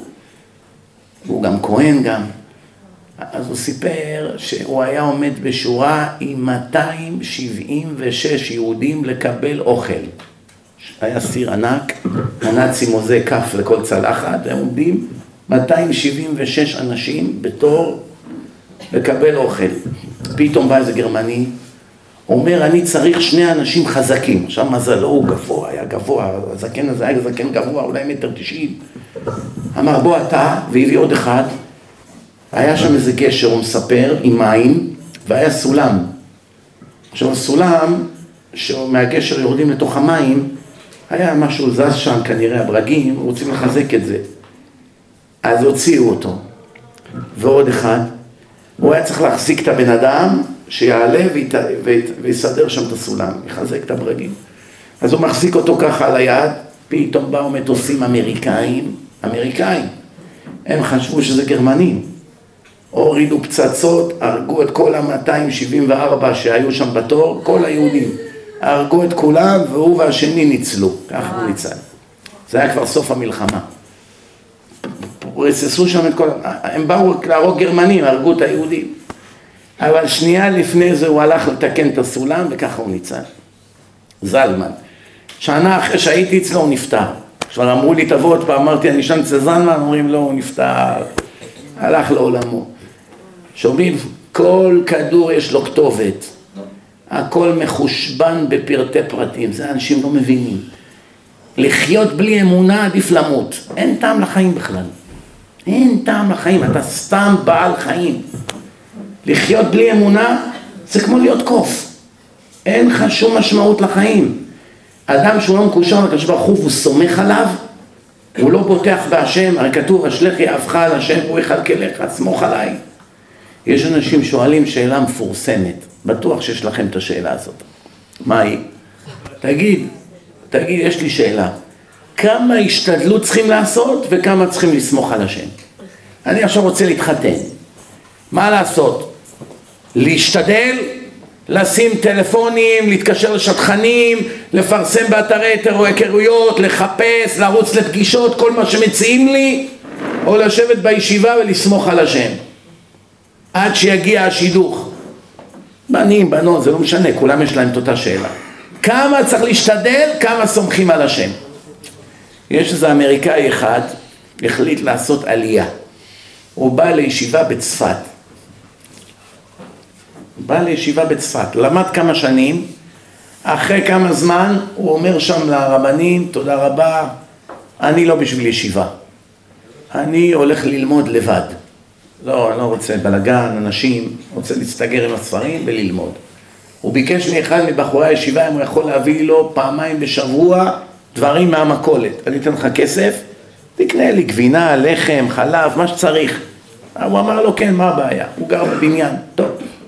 בצפת, אמריקאי. שואל אותו הבחור, אבל מה יהיה עם שילוחים? אה, מי ידע לך עכשיו אתה סוגר את עצמך בחדר? אומר לו, אני בוטח בהשם. לא מעניין אותי. ש... ביום שאני צריך להתחתן, השם כבר יביא לי את האישה לפה. אומר לו הבחור, הגזמת, מה אתה אברהם אבינו? יביא לך את הבחורה עד לפה לדירה? מי בא לבניין הזה בכלל? מי ידפוק לך בדלת בכלל? מי מכיר אותך בכלל? לפחות שים את הפרטים שלך אצל כמה שטחנים, משהו. אני בוטח בהשם. אתה מביא לי מצרכים? כן. הנה התחלה, קח כסף. ארבע שנים יושב בחדר, בתוך החדר הזה. לא הולך למניינים, לא כלום. מתפלל בבית, אוכל בבית, ישן בבית, מקלחת שירותי, הכל בבית. ההוא מביא לו מצרכים.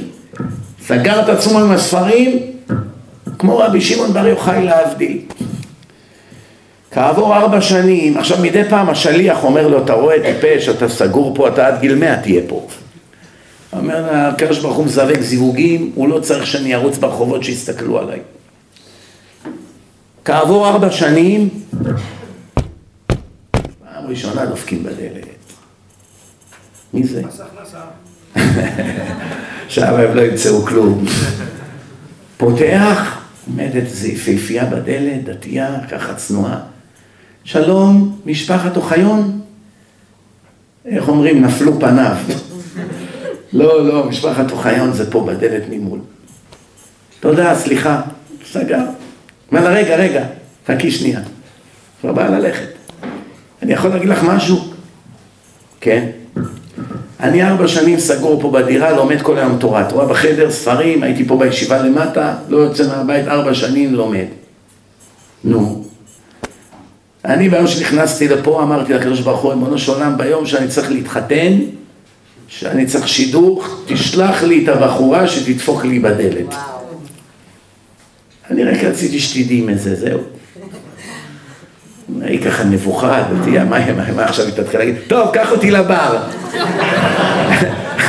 אבותינו הכירו את הנשים שלהם ליד הבאר, ואנחנו בבר. אותם אותיות, באר, בר.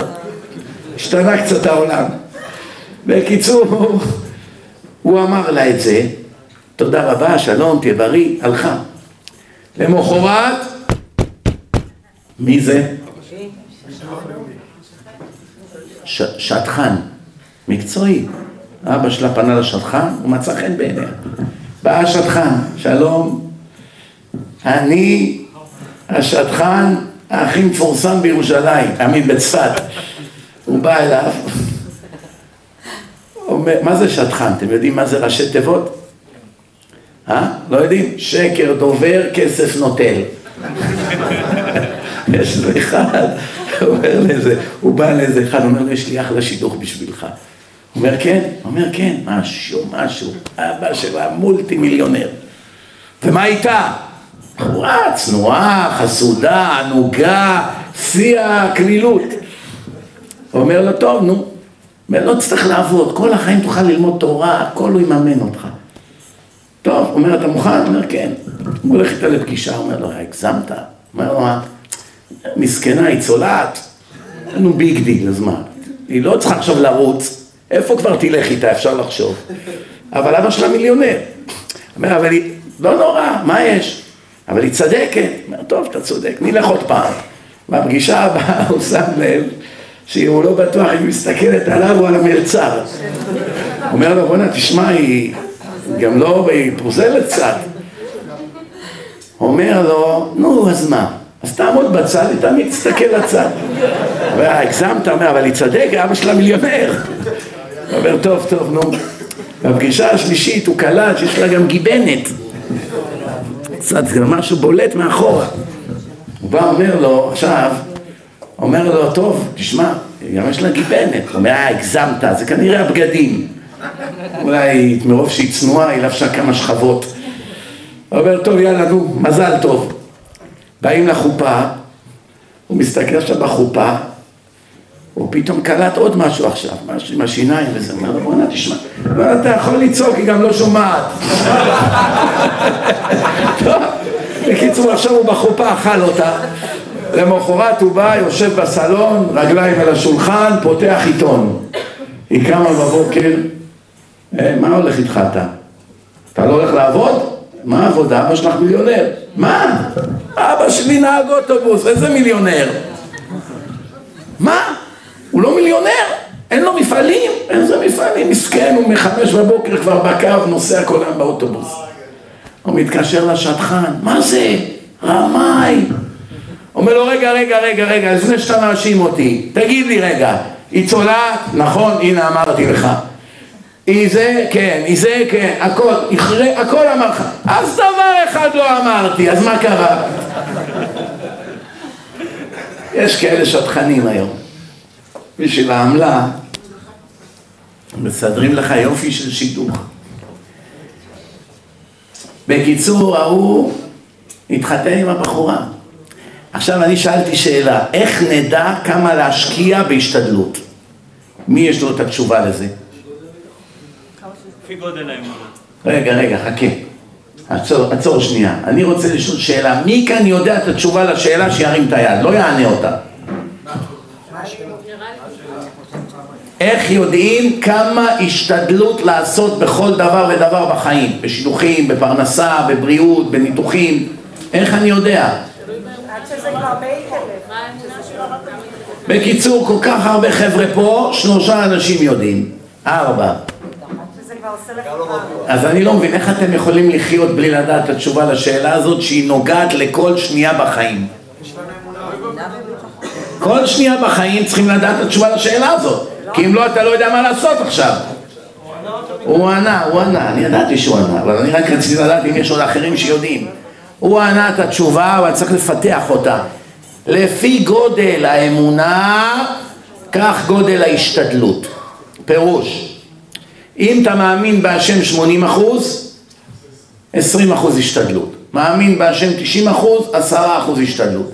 מאמין בהשם 99 אחוז אחד השתדלות. יודע במאה אחוז ובוטח בהשם עדיין צריך לעשות קצת השתדלות טיפ טיפה חצי אחוז. כי כתוב יברכך השם אלוקיך בכל מעשה ידיך אתה צריך משהו לעשות.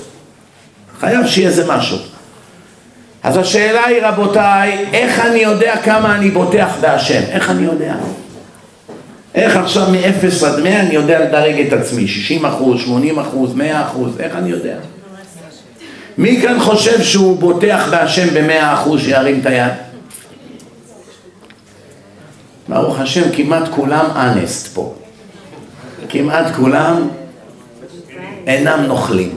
מי חושב שהוא בוטח בהשם 90 אחוז? 80 אחוז? כבר יש כמה ידיים. 70 אחוז? אה? 60 אחוז? 50 אחוז? אני עוד לא הרמתי בינתיים את היד. אנחנו ב-50 אחוז. 50 אחוז. 40 אחוז? 30 אחוז? 20 אחוז? 10 אחוז? 2 אחוז? אחוז? אחוז. הלוואי אחוז. הלוואי אחוז. אני אשאל אתכם שאלה. עכשיו לוקח אותך איזה שודד, אומר לך קפוץ מהגג. השם בא אומר לך, אל תפחד מהאחמד הזה. אני אוריד אותך בביתך, לוחש לך באוזן. אל תדאג בני. אתה פוחד לקפוץ או לא? רועד. יש כאלה גם מחילה מכבודכם במכנסיים יעשו, מרוב לחץ. אבל השם חשך, אל תדאג, אני מוריד אותך על כנפי נשארים. יש פה איזה משוגע באולם, הוא קופץ ממטוסים, צונח, כל מיני. למה זה לא אנשים נורמליים? אדם נורמלי, הוא מסוגל לקפוץ עכשיו מבניין? פחד מוות, לא. משה רבנו האמין בהשם? הוא ידע את השם, נכון? הוא דיבר איתו פנים בפנים, לא קם עוד נביא כמשה. השם אמר למשה לך לפרעה, תזרוק את המקל והמקל יהפך לנחש. מה קרה אחרי שמשה זרק את המקל? הפך לנחש. ומה משה עשה? ברח. ברח אחורה מפחד. אני שלחתי אותך, אני, להציל את עם ישראל. אתה מבוטח! מבוטח! ברח. רואים שגם למשה לא היה מאה אחוז. אברהם אבינו בטח בהשם? כמה אחוז? כמה? מאה? אם מאה, אם מאה, רגע רגע, אם מאה, למה הוא אמר לשרה תגידי אחותי את? הרמב"ן, הרמב"ן מתלונן על אברהם אבינו, יצחק גם כן אותו דבר. יצחק גם, יעקב החביא את דינה בקופסה. שם אותה בכספת עם קוד. אומר, מה עשו? אומר, מה יש לך שם? אומר לו, כל המיליונים שלי החבאתי בפנים. מה הקוד? פתאום הדינה יצאה לו מהקופסה. יעקב נענש על זה. נענש על זה שהחביא את דינה. בקיצור, רבותיי, הרמב"ן כמעט על כל גדולי ההיסטוריה מביא שלא, הם לא היו במאה אחוז אמונה, לא היו במאה, היו אולי 99, אולי 95, שזה רמה גבוהה מאוד. הנה, כמו שהוא אמר, אברהם קפץ לאש. לא מדרגה פשוטה. אברהם קפץ לאש ביודעין אני הולך למות על קידוש השם. הוא לא היה בטוח שהשם יציל אותו. הוא רצה למות על קידוש השם, לא להיכנע לנמרוד הרשע. אתם יודעים מה פירוש המילה למות על קידוש השם? מי יודע מה פירוש? היום בארץ יש דרשנים לא כל כך מדייקים. הם אומרים כל יהודי שמת על ידי גוי הוא מת על קידוש השם, זה לא נכון. אם יש אתאיסט שונא השם, מחלל שבת, אוכל שרצים ותנינים, כל היום מגדף רבנים באינטרנט ואיזה ערבי דקר אותו למוות. זה מת על קידוש השם אחד כזה? הוא בכלל מכיר בהשם? זה סתם סילוף. מה לגבי חייל צה"ל? חייל חילוני. לא, לא מגדף את השם. לא דתי, אבל מת בתור זה שהוא חייל באיזה קרב בעזה. זה נקרא מת על קידוש השם או לא? כן. כן.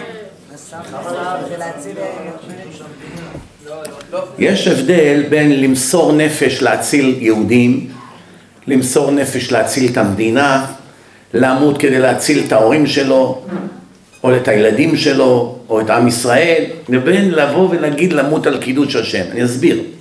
מה הפירוש המילה למות על קידוש השם? שאומרים לך תשתחווה פה לפסל ונשחרר אותך. תגיד שאתה מתאסלם, לא הורגים אותך. תגיד שאתה מאמין ביושקלה ולא הורגים אותך. שומעים? והבן אדם אומר, לא, לא משתחווה לשום פסל ולא יגיד שום דבר. שמע ישראל השם אלוקינו השם אחד והורגים אותו. גם אם הוא מחלל שבת, גם אם הבן אדם הזה, איך אומרים, בכלל לא דתי. שום דבר, לא תפילין, לא כלום. אמרו לו, תשתחווה לפסל, אם לא, הורגים אותך. אומר, אין כזה, אני יהודי. חילוני, שמע ישראל השם אלוקינו, הרגו אותו. זה נקרא מת על קידוש השם. שיכול היה לברוח על ידי שיגיד או שישתחווה ועוזבים אותו. והוא מסר את החיים שלו לקדש שם שמיים ברבים. זה קידוש השם אידיאלי. כל שאר הדברים יעזור לו, ודאי שזה יעזור לו שהוא מת כיהודי והוא מת על הגנה על המולדת, בטח שזה יעזור. זה מצווה, אין פה מה לדבר. אבל להגיד שהוא מסודר והוא בגן עדן, אין לך מה לדאוג, לא הייתי קופץ כל כך מהר. מספיק עם הדמיונות. הרבה אנשים מדומיינים פה בארץ ברמות שלא לא חלמתי. ועוד הרב, מה אתה דואג? רבנו ימשוך אותי מהפאות, יוציא אותי מהגיהנום. רבנו ימשוך אותך, מה הוא הקדוש ברוך הוא החדש? השם אמר שמי שמחלל שבת, הוא כורת לו את הנשמה לנצח נצחים. איזה רבנו בדיוק יציל אותך? משה רבנו לא יכול להציל אותך. משה רבנו לא יכול להציל אותך, כי זה נגד התורה. מה? אם עכשיו אחד שמחלל שבת יגלל איזה זוג חוטים פה, והוא סומך על איזה רב צדיק שימשוך אותו מהגיהנום, במילים אחרות הוא אומר שהשם רמאי. זה כפירה דרך אגב, מי שאומר דברים כאלה. זאת אומרת, אלה שמסרו נפש והתחילו לשמור שבת וסגרו את החנות וויתרו על הכסף ועשו כל מיני דברים וחזרו בתשובה, הם כל החיים עמלים להיות צדיקים ואיזה אחד שגידל שני חוטים ועושה מה שבא לו ועכשיו יאללה אין מה לדאוג, בוא הנה חביבי, בוא מותק, בוא איזה מותק אתה, יש לך ככה צערות, גידלת, יאללה בזכות זה אבל אה, כבוד הרב, זה בסדר שאני נשוי לגויה? בטח, מה אתה דואג? החוטים זה הגנה, זה ביטוח. רגע, רגע, כבוד הרב, אבל חכה, יש עוד כמה דברים. מה, אני גם לא שומר שבת. נו, ברור, מה? אין מה לדאוג. אה, אה, רגע, כבוד הרב, אני גם גנבתי מיליארד דולר לחבר'ה, לאנשים, הפלתי משפחות, אני גם אנס, גם פדופיל. לא לדאוג, העיקר יש לך פה שני חוטים. הבנתם מה מלמדים פה אנשים? זה שמלמדים כאלה שטויות צריך לבכות על זה, אבל אני בוכה על עוד משהו. איך יש לזה קליינטים? זה הורג אותי. עד כמה אנשים יכולים להיות מטומטמים? זה מה שאני לא מצליח להבין. מה, איפה אתה חי? מה, אתה לא קורא תורה? כמה מידת הדין קשוחה ומתוחה? אתה לא רואה איך אנשים איבדו את הכל ברגע אחד? קורח, קורח, מה, הוא היה פראייר קורח? קורח, בדור ששמע את השם. והוא האיש הכי עשיר בעולם, והוא שמר מצוות, והוא היה במעמד הר סיני. רגע של כבוד ואגו, איבד את הכל. גם לקורח היה אולי פאות. מה השטויות האלה, מה? אם אני מתלבש בצורה כזאת, אני אנצל. זה מה שאמרת, על זה אתה בונה? מילא תגיד, אני נותן הרבה צדקות. כתוב, צדקה תציל ממוות. חזרתי בתשובה חלקית, נו בסדר, אז יש לפחות סיכוי, עשית משהו. תעשה את כל העבירות שבעולם ותגדל פירות ויצילו אותך? מה השטויות האלה? כבוד הרב, אני נוסע למדינה כך וכך, למה? הבטיחו לי שאם הבן שלי יבוא לשם מתחת לגיל שבע, הוא מעולם לא יפגום בברית. איזה שטויות. כל התכלית שלו שהוא בא לעולם זה לפגום בברית. שינצל מזה. אז מה עכשיו הוא ייסע לאיזה מדינה ובזהו נגמר התיקון שלו? הבנתם? יש איזה אחד שנסע לשם, אבא שלו לקח אותו מתחת לגיל שבע, אחד ממונסי. היום הוא כבר גר בארץ פה. לקח אותו לשם, אחר כך הילד הזה נהפך לפושע הכי גדול בתולדות מונסי. פורץ לבתים, שודד רבנים, כל היום סרטים פורנוגרפיים ב-PSP היו לו, קורא לילדים, הורס להם את החיים. לא רק פגם בברית, דאג שחצי מהילדים בעיר יפגמו בברית. למה? כי אבא שלו דביל. מישהו סיפר לו סיפור, הוא דביל. אם היה לו קצת שכל, הוא היה יודע שהדברים האלה הם סתם סיפורי עליבאבא. זה לא היה ולא יהיה, לעולם זה לא יהיה. מי שלא יחזור בתשובה אמיתית וימית את עצמו, שום דבר לא יעזור לו, גם אם סבא שלך היה גדול הדור, זה לא יעזור לך. עשו, אבא שלו היה יצחק, איך הוא לא ניצל? מה, יצחק לא יכל להציל אותו? לא. יצחק את הבן שלו לא יכל להציל. עשו, אין לו, נגמר הסיפור. חסרים כאלה אחרים? אז מי, מישהו זר יציל אותך? מה? מה השטויות האלה? כל אדם צריך לדעת, אם אין אני לי, מי לי? אם אני לא אציל את עצמי, אף אחד לא יציל אותי. אף אחד. כל החכמים והצדיקים האלה, כבודם במקומם מונח. אתה רוצה ללמוד בספרים שלהם? יפה מאוד. כל ספר קדוש, יפה מאוד. אבל להתחיל לדמיין דמיונות, דמיונות, יש אנשים באים, כבוד הרב, הבבא סאלי בא לי בחלום, כולם בהתרגשות. מתי? אתמול בלילה. הבבא סאלי בא לי בחלום. מה? נשק אותי על הראש. מה זה, מה זה? דמיונות. לא, מה פתאום, כבוד הרב? לא נסע לי, דיבר איתי, מה? חיבק אותי, נשק אותי. בא אליך, כבוד הרב, בן איש חי בא לי בחלום כמה פעמים כבר. מה אתם אומרים? מה אתה עונה לאחד כזה? צריך לפרש להם את זה לטובה. בא לברך אותך. נגיד שפירשנו לו לטובה, נו אז מה? אני אגיד לכם מה זה. זה הכל דמיונות. אף אחד מאיתנו לא בא לו אף צדיק בחלום, אלא אם כן זה אבא שלך או סבא שלך, זה משהו אחר. הבן איש חי לא יבוא לאף אחד מאיתנו בחלום כי אין לנו בכלל זכות לזה ולא הרמב"ם ולא הבבא סאלי ולא אף אחד אחר אז מה זה שלפעמים באמת אנשים נשבעים שהם רואים איזה רב גדול בחלום? מי יודע איך מה זה? כתוב על זה בקבלה. שדים יהודאים, בדיוק. מלאכים שמעטלים בבני אדם, באים להם בתחפושות של צדיקים. יש שני סוגי מלאכים. יש מלאכים שבאים בתחפושת של נשים יפות כדי להחטיא את הגברים בלילה שיוציאו זרע. זה בגלל שהם מערערים כל היום בדברים לא צנועים ורואים סרטים לא טובים או כל מיני תמונות. והם באים ממש בתחפושות של נשים. ויש כאלה באים בתחפושות של רבנים. בא לך כבבא סאלי, בא לך כבן איש חי, בא לך בדמות של הרמב"ם. זה נקרא שדין יהודאים. למה קוראים להם יהודאים? יהודים. כי הם באים בתחפושות של יהודים, אבל הם שדים. שומעים? פעם היה אחד רב יהודה פתיה, עליו השלום, הוא היה צדיק, משהו יוצא דופן. הוא היה עושה תיקונים, מוציא דיבוקים, תלמיד של הבן איש חי, זה לא צחוק. הבן איש חי היה הרב שלו, והוא היה הרב של רב סלמן מוצפי, אבא של רב בן ציון מוצפי. זה בעד הדור שלנו, ארבע, חמש דורות, כן. הרב סלמן, הרב יהודה פתיה כתב ספר, מי שקורא אותו, חודש לא יוצא מהחדר. רוחות מספרות. חודש לא יוצא מהחדר, רעידות, ככה כולו רועד. הוא היה רואה נשמות של מסכנים, של רשעים, שצריכות תיקון ונכנסות בתוך אנשים דיבוקים, והוא היה מוציא אותם. יום אחד בא איזה אחד, אומר שבא אליו אליהו הנביא כל הזמן. שאליהו הנביא בא אליו, אומר לו, תבוא אליי, תהיה איתי, אני רוצה לראות שאליהו הנביא בא מדבר איתך, אני רוצה לדבר איתו. פתאום אומר לו, כבוד הרב, הנה אליהו הנביא הגיע. אז הוא אומר לו, מה הוא אומר? הוא אמר לי כך וכך וכך. אומר לאליהו הנביא, תגיד לי, מה ההמשך של הפסוק הזה בנביא ישעיה? אמר לו, זה פסוק מסובך, אליהו הנביא. ההוא אמר לו, אני חייב ללכת, יש לי שליחות. הרוח, שהוא טוען שהוא אליהו הנביא, אומר לו, אני חייב ללכת, יש לי שליחות. אמר לו רב יהודה פתיה, רגע, רגע, רגע, זה דחוף, אני כאן הרב של העיר, תגיד לי את ההמשך של הפסוק ומה הפירוש של הפסוק. כבוד הרב, מחילה, אני יש לי שליחות, אני לא יכול עכשיו. ככה איזה דקה הוא התווכח איתו.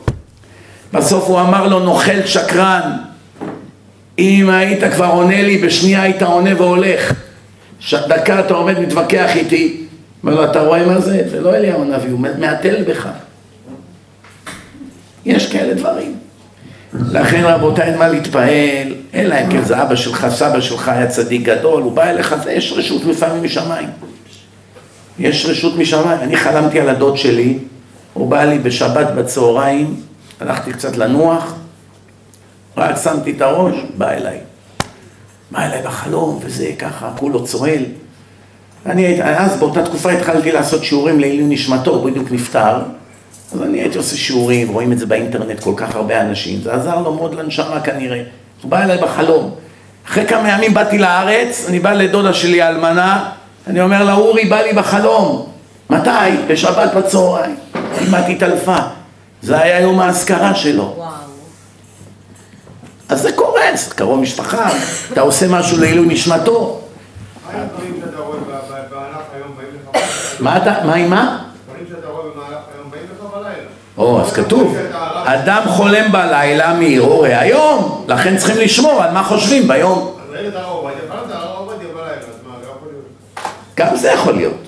סתם חלמת על הדמות של הרב עובדיה, כן, זה יכול להיות. אבל זה, אז אדרבה, זה כלום. סתם ראית תמונה, אז חלמת על הרב עובדיה, מה בזה? עכשיו חלמת שנופלות לך השיניים.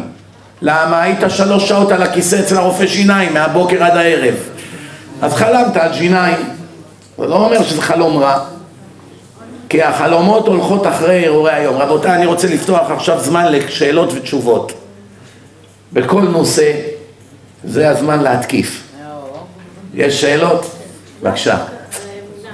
כן. אפשר להאמין וכאילו לא לסמוך על הנס. או, שואלת הגברת, קודם כל, איך, קודם כל אני עוד לא עניתי על השאלה, זה בעצם השאלה שלה. איך יודעים כמה אני מאמין בהשם?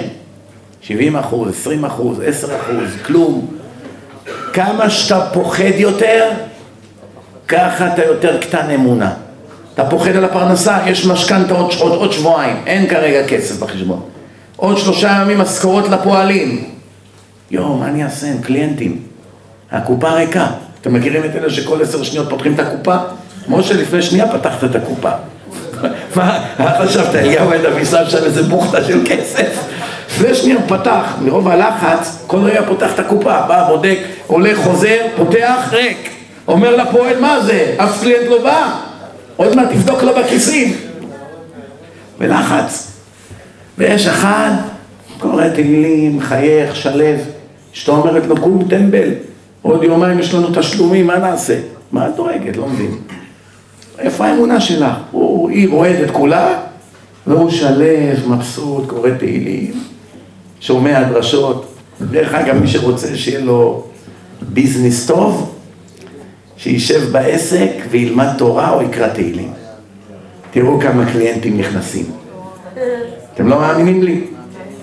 יש פה אחד בארץ תימני בשם מנשה צבי. אני בכוונה אומר את השם שלו. הנה הוא מכיר אותו, היה לו מסעדה בקווינס בוליבר. מנשה צבי הייתה לו מסעדה הבית. תעשו בגוגל, תראו אולי זה עוד קיים. מסעדת הבית.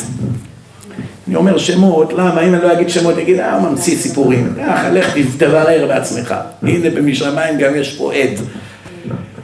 יום, אני עוד הייתי אז בנקאי, אז הייתי צריך להיפגש איתו, ככה הכרתי אותו. לא הכרתי אותו בתור ישראלי ישראלי. אמרו לי, יש לך פגישה במסעדת הבית, קווינס בוליברד.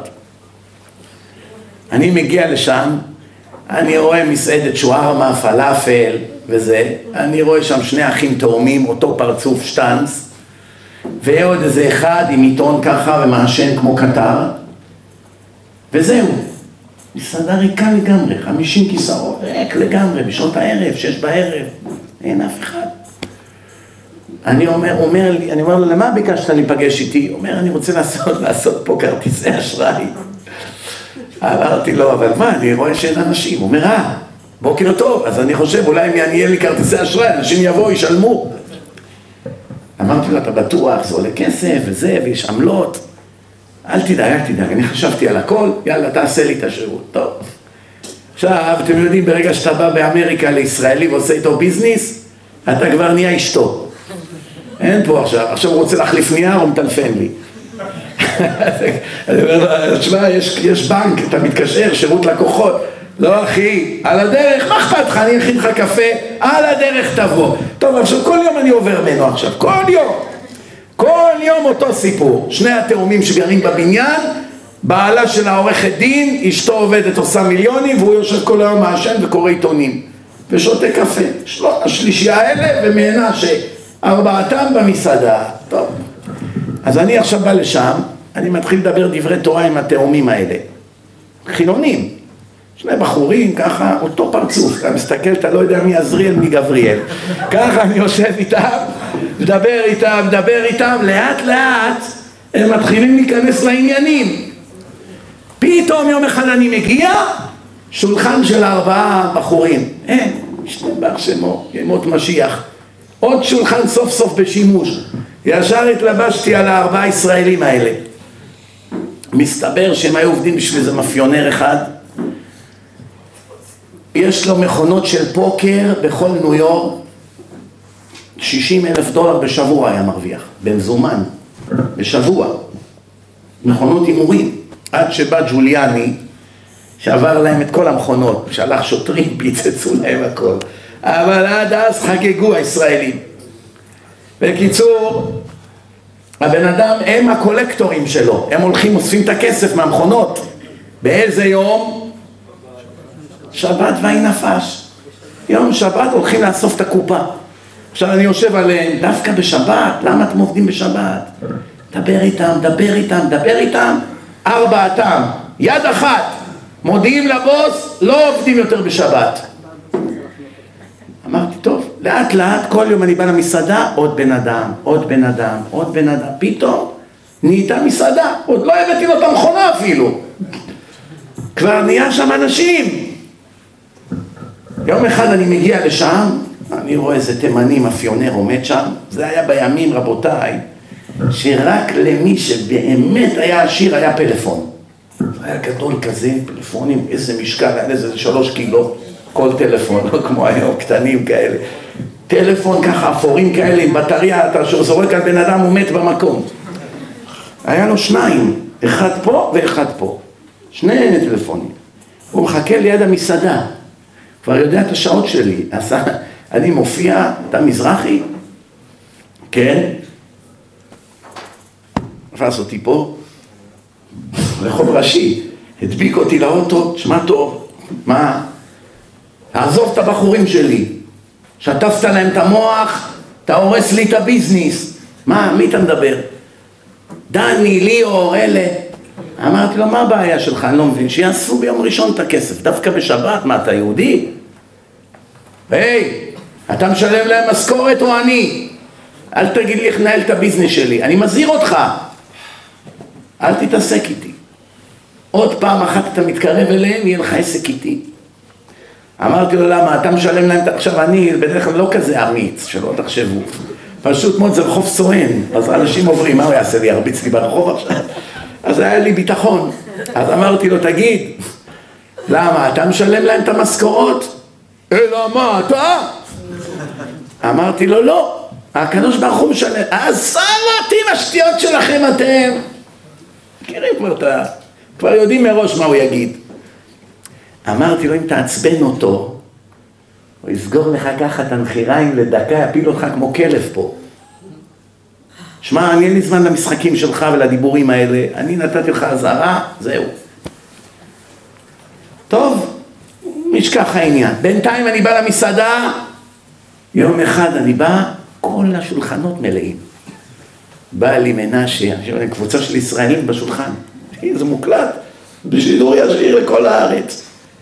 אחי, מחילה, אני צריך את השולחן. אנשים עומדים בתור. אמרתי לו, מנשה, השטן מוכן שהמסעדה שלך תתפוצץ מקליינטים, שלא יהיה פה שיעורי תורה ויחזרו יהודים בתשובה. רק בשביל זה מילאו את המסעדה. העיקר שלא יחזרו שם בתשובה, למה? זה כבר נהפך לכמו ישיבה כזאת. הבאתי, היה לו טלוויזיה שם, הבאתי קלטות וידאו כאלה, הייתי שם להם שיעורים של רבנים, אנשים היו באים, עשר בלילה, חבר'ה מתקבצים שם, אוכלים, מזמינים, רואים רבנים. קיצור, זה נהיה... אני צריך את השולחן, טוב. חלפו להם כמה חודשים, יום אחד אומרים לי, יש מסיבת חנוכה במועדון. לא זוכר איך קראו לו, טברנה, טברנה, טבריה, לא יודע מה. אמרתי, איפה זה? אומרים מול התאומים. המועדון הזה, איפה שהצד של השני של מנהטן, כאילו בקווינס, ממש על המים. מסיבת חנוכה. טוב, אני מגיע לשם, נכנס מאות אנשים, מקום, בר, סוער, מסיבת חנוכה. אני יושב שמה, עם איזה פעיל אחד של תשובה, אומר לי, תכיר בבקשה את הבעל הבית. פתאום הוא קורא לבעל הבית, פתאום מי בא? עוד פעם הוא עם העיניים הגדולות שלו הגיע. נעים מאוד, נעים מאוד, אני מסתכל עליו, הוא הסתכל עליו, שנינו הבנו מי, מי זה מי, אבל איך אומרים? נשכח, אמרתי לעצמי, יאללה, איך זה ייתכן? לא רק שלא נפל, עוד גדל, תראה איזה, איזה מועדון, מלא כיסאות, סואן באנשים. טוב, אמרתי, ריבונו של עולם יודע מה הוא עושה. טוב, חלפו עוד כמה חודשים, יום אחד אני מקבל טלפון מאיזה מלצרית אחת. שלום, קוראים לי כך וכך, כן? אני מלצרית במסעדה יפנית בשם כך וכך בברוקלין. טוב, נו, מה אפשר לעשות בשבילך? אני מחפשת שידוך. מי שלח אותך אליי? איזה מישהו אמר שאתה מכיר בחורים, אולי תמצא לי שידוך. תוך כדי שמדברים, פתאום היא אומרת לי, אולי גם אתה יכול למצוא לי עבודה על הדרך? אמרתי לה, אמרת שאת מלצרית במסעדת כך וכך? היא אומרת, הייתי עד עכשיו, אבל הבעל הבית שלי הסתבך בחובות, פושט רגל, הוא עומד לסגור את המסעדה, השקיע פה מיליון דולר. מי זה הבעל הבית שלך? קוראים לו כך וכך. מי זה? התימני. התימני. אמרתי לה, מה? היא אומרת, הוא הפסיד פה את כל הכסף שלו. היה לו מסעדה, נפלו התאומים, שימו לב. נפלו התאומים, מאותה שנייה אחד לא נכנס למועדון שלו. כל הסיבה שאנשים באו למועדון, שהיו יוצאים מהמועדון, רואים את כל מנהטן, את המגדלים, את המים, אין תאומים, הפסיקו ללכת. גם אז היה פחד מטרור, היה בלאגן בניו יורק. הבן אדם פשט את הרגל, נשאר חסר כל, כמו שאמרתי לו. אם אתה תמשיך ככה, השם ייקח לך את הכל, יסגור לך את האף, תיפול ותמות. השם מוריש ומעשיר, ככה כתוב. השם מוריש ומעשיר. מוריש זה הכוונה עושה אותך רש, מעשיר עושה אותך עשיר. איך יודעים מה רמת האמונה? כמה שאתה פוחד פחות, ככה יש לך יותר אמונה. יש אנשים לא פוחדים בכלום, שום דבר. מחר השריף מוציא אותם מהבית. נתנו להם 72 שעות. יש לך ילדים. עוד מעט ידפקו לך בדלת, משטרה, מה? שלו ורגוע. הקדוש ברוך הוא מנהל את העולם. רוצה אותי ברחוב, אני ברחוב. רוצה אותי פה בסלון עם כל הזה, אני פה. רוצה אותי ברחוב, אני ברחוב. אני אקפא למוות, זה בעיה שלו, לא שלי. אני לא בא. צריך לחתן את הילדים, מה אכפת לי? מה זה ילדים שלך. זה לא ילדים שלי, זה ילדים של השם, אני בייביסיטר. אני עושה השתדלות, דיברתי עם שדכן שתיים, אמרתי יש לי בן, יש לי בת, טוב, זהו, נגמר הסיפור. השאר זה לא בידי, יש כאלה אנשים, אני אומר לך, אני מכיר הרבה אנשים כאלה.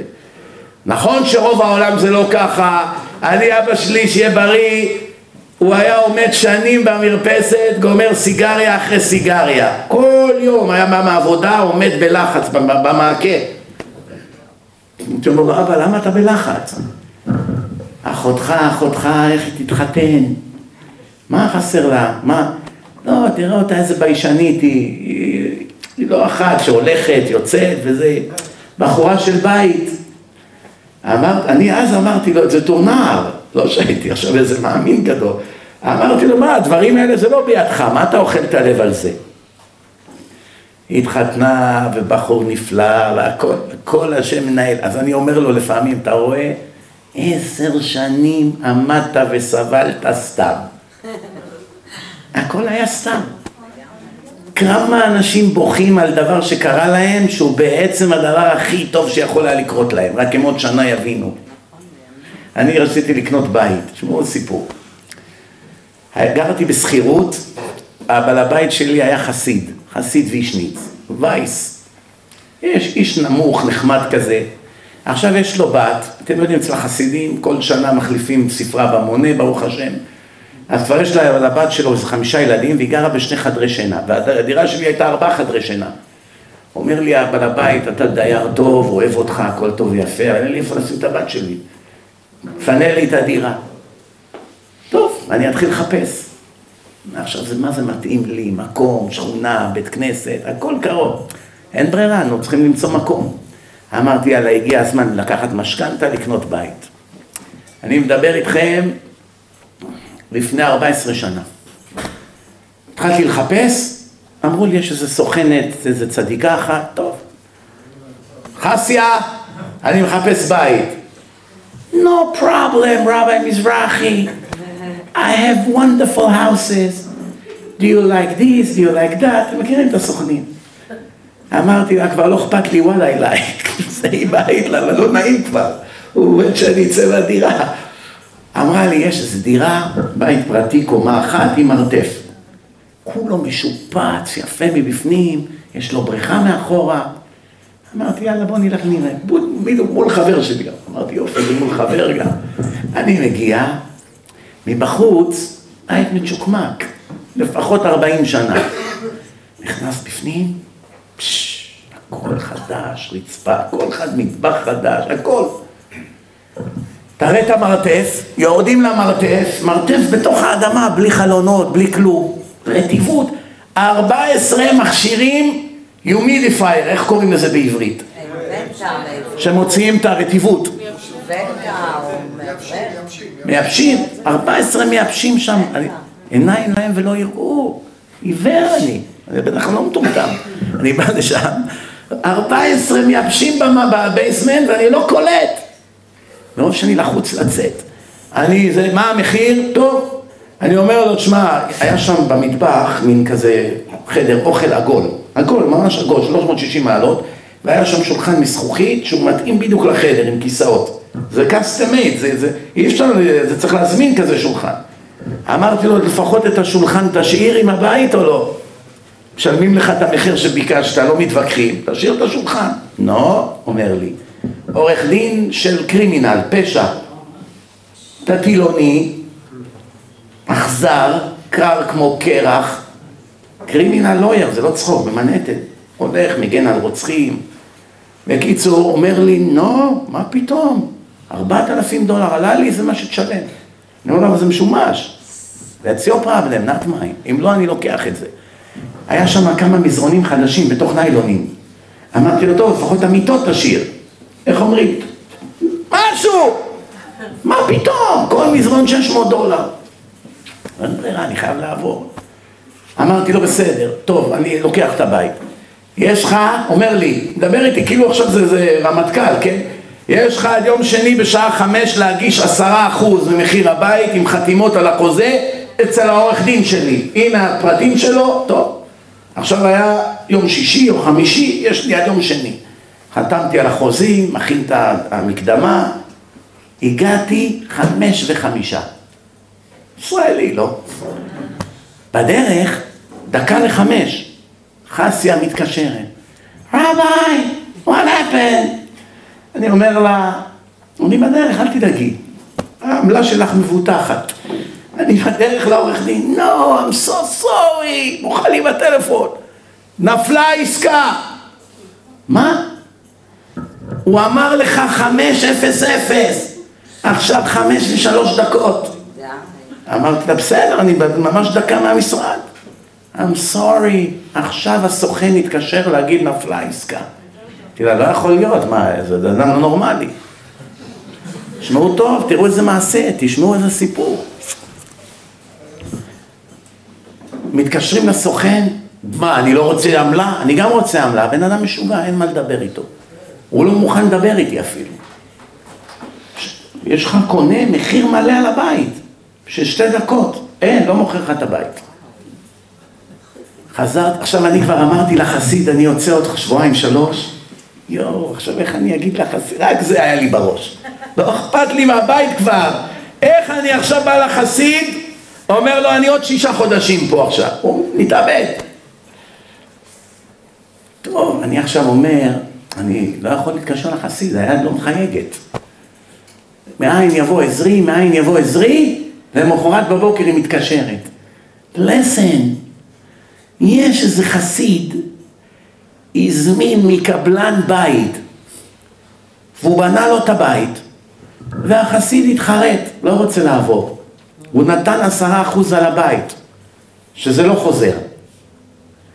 הקבלן בלחץ היסטרי, הוא מוכן להוריד את העשרה אחוז ממחיר הבית אם תיקח אותו מהר. אמרתי לה, איפה זה? רחוב הכי טוב במונסי. הכי טוב. אמרתי לה, בסדר, אני בא לראות. היא אומרת, טוב, פה הבית לא בנוי עדיין, אני אשלח אותך למקום אחר שהוא בנה בדיוק את אותו בית. נתנה לי איזה כתובת, רבע שעה נסיעה. נסעתי לשם, אני משתגע. כפול בגודל, שתי קומות. אותו דבר כמו ההוא, עם עוד קומה למעלה. לחדש לגמרי. ואחרי עשרה אחוז אותו מחיר. חדש לגמרי. אני אומר לה, את בטוחה? כן. תגידי לו בסדר. יאללה, משכנתה, טק. עד היום הוא לא מכר את הבית. שמתי עליו כזו קללה מרוב שהייתי עצבני. אמרתי, יהי רצון שלעולם לא תמכור את הבית. עד היום, 14 שנה, במונסי נמכרים בתים תוך 24 שעות. אתה רק שם בדשא sale, שישה אנשים עומדים בתור, רבים, תן לי, תן לי להיות הראשון. מקומות של דתיים, לא מכר את זה עד היום, תעקו, ואתם יודעים, הוא משלם מיסים על הבית. הוא מחפש למכור את הבית, זה לא הבית העיקרי שלו, יש לו בית בברוקלין. זה עוד בית, שלם עליו, הוא לא יכול למכור אותו. יש דין ויש דיין, רבותיי. אני כבר בחינם לא אקנה את זה ממנו. אבל אתה הגעת מאוחר. עוד שאלות לפני שמסיימים? כן. כן, רגע. רציתי לשאול שאלה על כשרות. כן. האם אה, מותר לאכול במסעדה שהאוכל שם כשר, אבל אין שם תעודת כשרות? אי אפשר לסמוך עליהם. אם אין תעודת כשרות, זה כמו פרצה שקוראת לגנב. גם אם הבעל הבית לא מתכנן להאכיל טרפות, אחרי פרק זמן מסוים שהוא יודע שאין שם משגיח שנותן השגחה, יציעו לו פתאום... אבל יציעו לו פתאום בשר ברבע מחיר, כל מיני דברים, טריקים. גם חלבי יש בעיות של כשרות. מוכרים ירקות עם תולעים, כל מיני בעיות. צריך תעודת כשרות. יש לזה סיבה למה שמים תעודת כשרות. אי אפשר, גם עם תעודת כשרות לא בכל מקום אפשר לסמוך. הם מרמים את המשגיחים. צריך לבדוק שבאמת יש שם יראת שמיים לאנשים שמנהלים את המקום, אם לא מי יודע מה הם מאכילים אותנו. עוד שאלות, כן.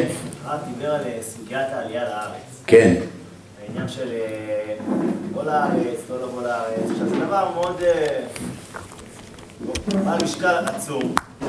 האדם היום שחי בחו"ל, ארה"ב, הוא חושב לחזור לארץ, בעצם גדולים, אומרים כן, יחזור לארץ, ואז מדברים על זה קל וחומר שעכשיו אנחנו בתקופת ביאת המשיח, וכולם יודעים שבמידה ובעזרת השם, כשיגיע המשיח, אז זה לא שכל אחד יוכל לחזור, נכון, כנפי נשרים יביא את בורא עולם את כל היהודים לישראל, אבל שמונה מיליון יהודים בתפוצות שצריכים להיכנס לארץ, זה לא יקרה ביום אחד. נו.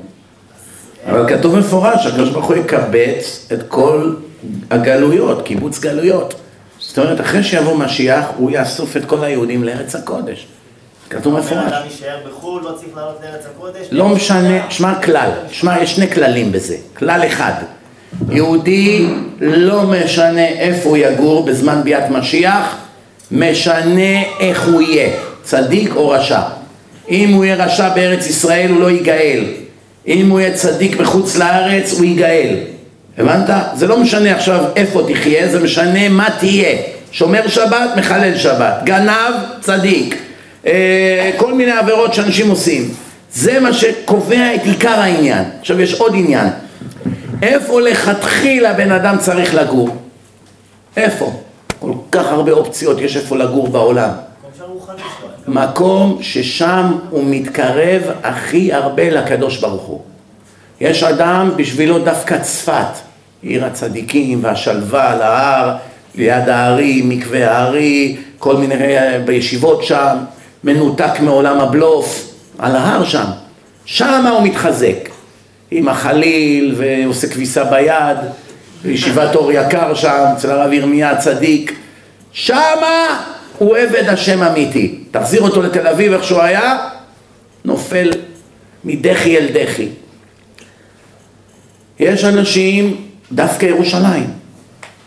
אני, הבן דודה שלי לא יוצא מירושלים לעולם, לשום מקום. ברית, חתונה, כלום. לא יוצא מירושלים, לא יכול שנייה לצאת, הוא נהיה חולה אם הוא יוצא מירושלים. אז זה סוג בן אדם המיוחד.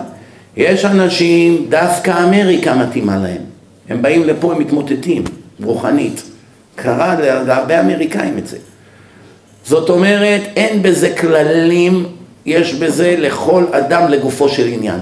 צריכים לבדוק. קודם כל נשוי או רווק, יש הבדל גדול.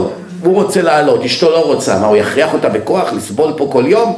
היא לא, היא רגילה למטבח היפה שלה באמריקה. פה אין לו כסף לקנות לה כזה מטבח. כל יום היא תהיה אומללה. אתה יודע מה זה אישה? קח אותה ממטבח ענק, תכניס אותה לשירותים קטנים. בכוסי חצי גז וזה, היא כל היום מסתובבת מדוכאת. דבר כזה טיפשי יכול למוטט אותה מבחינה רוחנית. כבר היו דברים מעולם. איזה ישיבות הוא נמצא לילדים שלו? ילדים שלו אמריקאים, צרפתים. אתה יודע כמה, כמה עולים פה מתמוטטים ומתאבדים גם? אתה יודע את זה? האמא הזאת ששרפה את ארבעה ילדים, צרפתייה, שבאו מצרפת לפה, היה להם חיים נוחים, באו לעשו עלייה, התמוטטו, היו ברשתות הרווחה. דרך אגב, אם כבר הזכרתי את זה, זה משמיים, אתמול שלחה איזו אישה אחת הודעה שגרמה לי לחשוב על זה הרבה הרבה. היא אומרת, אני לדעתי האישה הזאת לא רצחה את הילדים והתאבדה. שאלתי למה, איך את יודעת, מה את מכירה? היא אומרת לא, אני אגיד לך, כנראה שהיא רצתה בייביסיטר ולא היה לה, היא סגרה את הילדים בבית, היה חנוכה, היה בדיוק סוף חנוכה, היא הלכה כנראה שנייה לקניות, שמה את הילדים לבד, הם מצאו גפרורים, הדליקו את הבית, נשרפו, כשהיא חזרה, כשהיא ראתה אותם שהם נשרפו, היא הרגה את עצמה. הגיוני או לא? מאוד הגיוני, כי איזה אישה תשרוף את הילדים שלה? היא לא הייתה עכשיו בדיכאון עמוק, פסיכיאטר בדק אותה כל שני וחמישי, איזה מין אישה יכולה לשרוף את הילדים שלה? זה לא פשוט, מה? לא, אולי ניסה להציל אותם ומתה. יכול להיות שניסתה, זה מה שאני אומר, יכול להיות שהילדים הדליקו את עצמם, היא עזבה אותם בלי בייביסיטר, כשהיא חזרה הם כבר עלו באש, וחס וחלילה היא ראתה כזה דבר, אז היא שרפה גם את עצמה, חנקה את עצמה, תלתה את עצמה, לא יודע בדיוק מה. זה מאוד הגיוני מה שהיא אמרה. אני אני לא יודע, אני לא אומר את זה בוודאות. זה הרבה יותר הגיוני מאשר תרצח את הילדים ות, ותתאבד. הרבה יותר הגיוני. טוב, איך אומרים? עוד אחד מהטרגדיות. כן. דיברת על, אה, על זה שנוסעים לאומן על, על גיל שבע וכל זה. כל מיני הבטחות, לא רק זה. נכון, אז יש גם את ה- מהמוקה שמבטיח סיבוב. גם זה שטויות.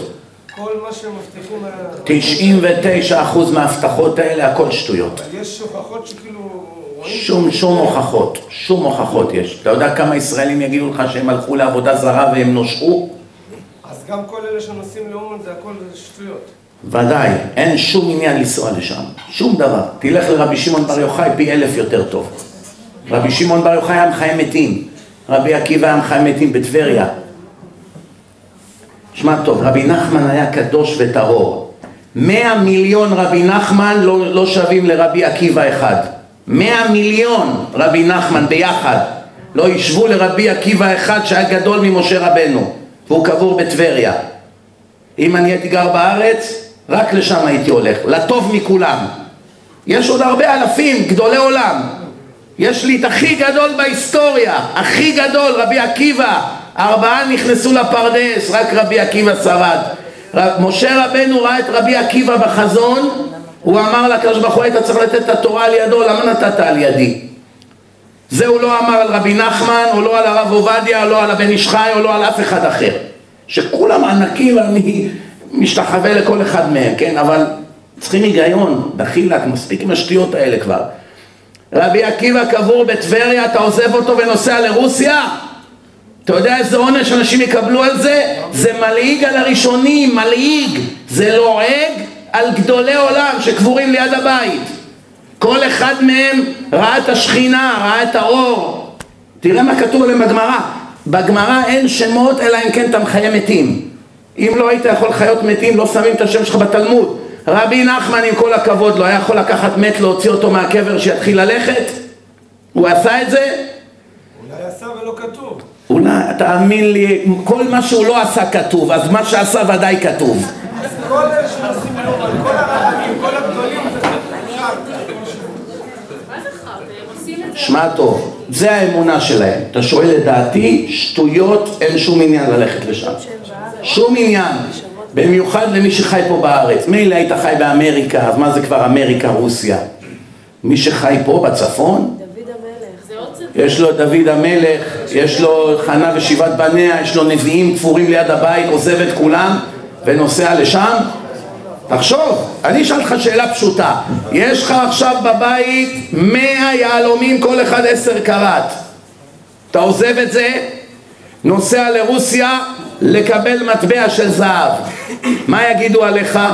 שוטה גמור. יש לך מאה יהלומים, עשר קראט כל אחד, רבי עקיבא, רבי שמעון בר יוחאי, רבי יוחנן בן זכאי, אני מדבר על התנאים, אני כבר לא מדבר על רמב"ם וכל רמח"ל וכל שאר האחרים. שבטים, אני מדבר על אנשים שהשם, השם מעיד עליהם, הם חלק מהתורה שלנו, הם כתובים בתוך התלמוד, אי אפשר מילימטר לזוז בלעדיהם. יש לך אברהם, יצחק ויעקב במערת המכפלה, אתה עוזב אותם, נוסע למישהו שחי לפני 200 שנה, שיהיה הכי גדול באלף שנה האחרונות. לא יתקרב, אני אספר לך סיפור. הגאון מווילנה, שמעת עליו? היה לו תלמיד רבי חיים מוולוז'ין. רבי חיים מוולוז'ין סיפר על הגאון מווילנה דברים שאם אתה שומע אותם אתה משתגע. איזה ענק הוא היה. הוא דיבר עליו דברים כאילו שהוא מדבר על מלאך. בסוף הוא שאל אותו אם הגאון מווילנה היה חי בתקופת האמוראים הוא היה נחשב משהו? אמר לו חס וחלילה, כלום, אולי הוא היה יכול להיות תלמיד של הרמב"ן, אולי תלמיד, והוא היה התלמיד שלו, יד ימינו, רבי חיים מוולוז'ין, זה התלמיד הכי גדול של הגאון מווילנה. אולי היה זוכה להיות תלמיד של הרמב"ן, הוא יכול היה להיות תלמיד של אחד התנאים? אתה יודע מה זה תנא? תראה בתלמוד מה כתוב, מה כתוב על התנאים. זה דברים שהיו, תנא יכול להקפיא אותך. אתה בא למקווה, הוא אומר כמה פסוקים, אתה לא יכול לזוז מהמים. ישמעאלי נכנס למקווה, הרבנים היו אומרים כמה מילים, הוא לא יכול לזוז. הם הפכו בן אדם לחמור. תסתכל בתלמוד. בן אדם עכשיו הולך, פתאום רואים שהוא יושב על אישה בשוק. מה זה? מחילה זה היה חמור לפני עשר דקות. אתה יודע איזה דברים הם עשו? היה להם את כל חוכמת הנסתר, כל חוכמת הקבלה, דברים אדירים. רבי מאיר בעל הנס היה אומר, אלוהד אל מאיר ענני, הכלב היה נופל, משתחווה. ניסים גמורים. עוזבים אותם והולכים לרב קדוש שחי לפני 200 שנה, כל הכבוד לו, חלילה, שלא יתפרש מדבריי שאני חלילה מזלזל בו. מעריך אותו מאוד מאוד, ואני מביא בדף שלי כמעט כל יום דברים ממנו. וכבר הרבה פעמים בדרשות הבאתי, אתמול דיברתי עליו בדרשה. חס ושלום, שלא אנשים עכשיו יסלפו. אבל צריך פרופורציה. כמו שעכשיו תבואי, הרב עובדיה הגדול שבדורנו, עכשיו תגיד לי שהרב עובדיה יותר גדול מהרמב"ם. אז גמרנו, אז הרסת את כל היהדות.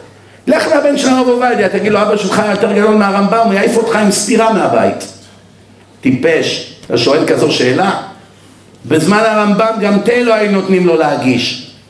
זה בדורנו הכי גדול בעולם. אז צריך היגיון, אנשים פה איבדו פרופורציות, איבדו, שוטפים להם את המוח, כל איך וילכו אחרי כל הדמיונות, כן, כן. הודעת כבר למשטרה שאתה עוזב או עוד לא? בקרוב. כבוד הרב, הרוב המכריע של האנשים שנוסעים לאומן, כן. הם לא חסידי חסידי ברסלב. אלה יכולים לנסוע, מי שחילוני שייסע לאומן לכל השנה. בכלל לא אם הוא רואה שם אורות, שייסע. כן, לא יודעים איך רבי נחמן עומד בעיניים יוחסים בכלל של החסידות. אין בעיה. בעצם זה הבעל שם טוב הקדוש, רבי נחמן, שמונה שעות בהסעה, שייסעו. אלה אין בעיה, אמרתי לך, מי שמחלל שבת, מי שלא קשור לשום דבר והוא הולך עם קבוצה של חסידים, לאן שהם רוצים לקחת אותו זה טוב, העיקר שיהיה איתם באוטובוס, במטוס, ישמע דברי תורה, איך אומרים? טוב מאוד, מה, אני הראשון שיגיד לו. אני דרך אגב שלחתי כמה אנשים לאומן, בגלל שידעתי שזה טוב להם, כי הם לא כלום, הם בניו יורק לא עושים שום דבר.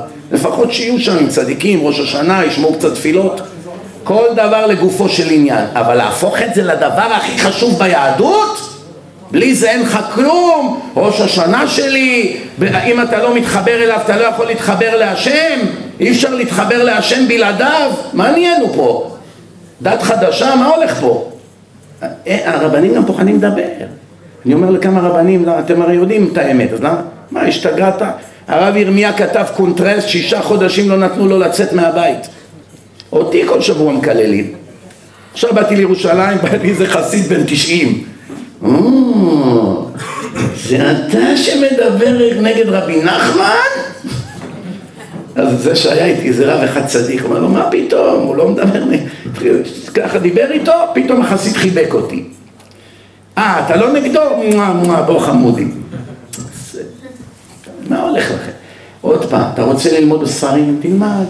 זה מחזק אותך? תתחזק. אבל מה אתה עכשיו אומר לכל עם ישראל, אם לא תתחבר להשם דרכו, אין לך כלום. לא יעזור לך תשובה, לא יעזור לך שום דבר. מה זה השטויות האלה? אתה יודע, אנשים פשוט מאבדים את כל הפרופורציה. יש הבדל בין להיות חסיד בקבוצה הזאת לבין לבוא ולכל עם ישראל ולהגיד בלי זה אתה לא יהודי, אתה לא יכול להתחבר להשם. על זה אני צועק, על הקטע הזה. זהו זה. רוצה שייסע, שייסע. להגיד לכולם חייבים לנסוע בלי זה אין לך ראש השנה? הרב עובדיה אמר בדיוק הפוך, אסור לנסוע.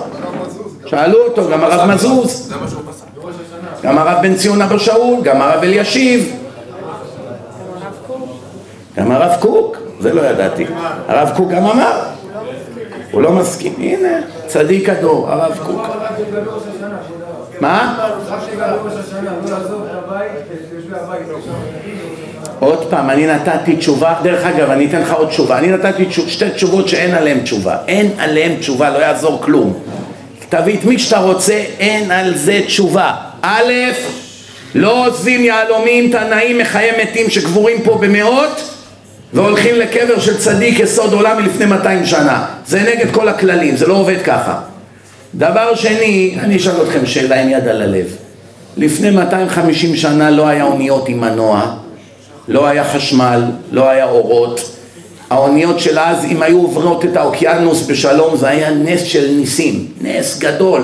היו פיראטים, שודדי ים, להגיע מארץ ישראל לאומן היה מינימום שישה חודשים בים ושישה חודשים לחזור בלי מנוע, עם משוטים ומפרשים ולא היה מצפנים כמו היום, לא היה רדארים, לא היה ווקי טוקי אם אתה נתקע תעבוד, אנשים מתים כל יום בים. למה מברכים ברכת הגומר? היום אונייה יותר בטוחה מהכביש. אתה נוסע בכביש פה זה הרבה יותר מסוכן מלהיות באונייה בלב ים. עם כל הציוד שיש לה וזה, וסירות הצלה וחשמל ומחשבים ורדארים. מה יש היום סכנה באונייה? בקושי יש סכנה היום. ואף על פי כן עדיין מברכים הגומל אז תאר לך אז באוניות מפרשים והיה נזילות והיו פוגעים בכל מיני צלעים. נראה לך שרב צדיק כמו רבי נחמן מברסלב יענה מאות או אלפי אנשים יגיד להם בימים של פעם לעלות על אונייה, לעזוב את האישה ואת הילדים בתלמודי תורה לשנה שלא יראו את המשפחה. כל השנה יהיו בלב ים, לא ישיבה, לא עבודה, לא פרנסה, לא פרו ורבו, לא כלום. הכל, תבטל את כל התורה שיבוא בשביל יום אחד להתפלל ליד הקבר שלו זה נראה לך שמישהו יעשה כזה דבר? אני שואל אולי הוא דיבר על הימים האלה איזה? של אז? הימים של אז הוא דיבר זה לא מה שהם טוענים אתה עכשיו הבאת טענה חדשה תאמין לי שאם הם היו יכולים, הם כבר מזמן היו טוענים את זה. הם טוענים על אז, איש בל יעדר לזמנו. יכול להיות שהוא דיבר על התלמידים שהיו חיים באומן. אני אגיד לכם עוד ראיה שלישית. אני רואה שאתם עקשנים, נפלנו על קהל עקשן. עוד ראיה. מה הספר היחיד שנכתב בחייו של רבי נחמן מברסלב? כל שאר הספרים נכתבו אחרי פטירתו. מה הספר היחיד שנכתב? ליקוטי מוהר"ן. זה הספר היחיד שהוא ראה בעיניים, בזמן שהיה חי. מי כתב את הספר? לא הוא, תלמידו רבי נתן. זה שכתב גם כביכול את שאר הספרים אחרי שהוא נפטר. עכשיו אני שואל אותך שאלה. בספר ליקוטי מוהר"ן, בדף האחרון בספר, כתוב, שימי לב מה כתוב, תראי איך אנשים מסלפים סתם. היה לרבנו תורה בעניין ראש השנה. שמתקבצים אצל הצדיק, שהצדיק הוא מבחינת ראש וראש השנה הוא ראש, ולא זכיתי לקבלה מידו. כל התורות שכתבתי פה בספר, רבי נחמן נתן לי וכתבתי. בעניין ראש השנה, כתוב מפורש בדף האחרון בליקוטי מוהר"ן, הוא אמר לי שיש לו תורה בעניין של ראש השנה, שמתקבצים אצל הצדיק, הכוונה שהוא חי, ולא זכיתי לקבלה מידו כיוון שהוא נפטר ולא נתן לי כלום על ראש השנה. זו האמת. כל מה שהם אומרים בא אחר כך שקרים הכל. שום דבר לא אמת זה כתוב בספר מה שכתוב בתורה בתורה כתוב מחלל שבת מות יומת יש רבנים בדורנו שאומרים צדיק את מי הם מעניינים בכלל הרבנים האלה? את מי? אפילו השטן מצפצף עליהם מה שכתוב בתורה אפשר, אין, אין פשט, אין אה, פשט יוצא מפשוטו, ככה כתוב. כתוב פסוק בתורה מחלל שבת מות יומת, כתוב ונכרתה הנפש ההיא מישראל, יש רב בישראל שיכול להגיד אחרת ממה שכתוב בתורה 12 פעמים. אם בספר העיקרי של רבי נחמן מברסלב מעיד תלמידו שהרב נפטר ולא נתן לי כלום על ראש השנה, איך פתאום יצאו אחר כך ספרים, הכל ראש השנה. איש בל יעדר, כל חכמי ישראל לידי כקליפת השום. מאיפה באו כל הדברים האלה? זה נראה לך הגיוני שרבי נחמן יכתוב בספר שכל החכמים לידו הם כקליפת השום? אני הבנתי. אני חושב שסיכמנו את הסוגיה. יש לי עוד 300 דברים להגיד, אבל חבל לזמן. כן.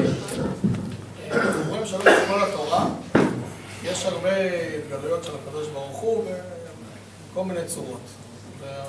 שהוא לעולם לא ינטוש אותנו מהרגע שקיבלנו את התורה. מי לא יטוש אותנו? הקדוש ברוך הוא. כן. פעם אחת הוא כן נטש אותנו, כמעט לגמרי. אסתר אסתיר פניי מהם, והיה ביום ההוא, בשואה, אסתר אסתיר פניי מהם. שם המילה שואה מוצפנת בדילוג שווה, בקטע הזה. שהשם אמר שהוא יפקיר אותנו בידי הגויים. זו התשובה לאלה ששואלים איפה השם היה בשואה. התשובה, השם עזב אותנו בידי החיות טרף והסתיר את פניו. היה הסתר פנים, זהו. זו התשובה. זה כתוב מפורש בתורה. עוד לא הגעתי לשאלה. כן.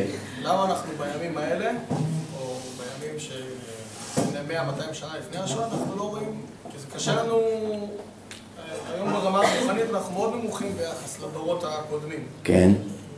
זה בגלל שאין לנו את ההתגלויות, אנחנו צריכים... אז אתה שואל, אתה חושב שהשם עזב אותנו היום? אני לא יודע לענות. תגיד לי, אני אשאל אותך שאלה, תחשוב שנייה בהיגיון. בשואה אתה אומר שזה כמעט קרה. המזרח התיכון, יש לו מיליון נקודה שמונה מאות, מיליארד שמונה מאות מיליון מוסלמים. בואו נצא מתוך הנחה שרק 90 אחוז מייחלים למותנו. רק 90 אחוז. אני נדיב. כמה זה? כבר מיליון שש מאות חמישים אלף. מיליון, סליחה. מיליארד שש מאות חמישים מיליון. כמה יהודים יש בארץ ישראל? שישה מיליון. שישה מיליון מוקפים במעל מיליארד וחצי מוסלמים צמאי דם. עם מיליארדים, מאות מיליארדים של דולרים, עם נשק, עם צבאות, עם עזרה מכל העולם האנטישמי. ואנחנו כל יום עומדים עלינו לכלותנו והקדוש ברוך הוא מצילנו מידם. אתה יודע, פשוט, חשבון פשוט. אם אני הייתי אחד מה, מהמנהיגים של ארצות ערב, דבר אחד רק הייתי עושה. הייתי אומר לערבים, מה אתם משקיעים בנשק? מה אתם משקיעים בסוכנים, במרגלים?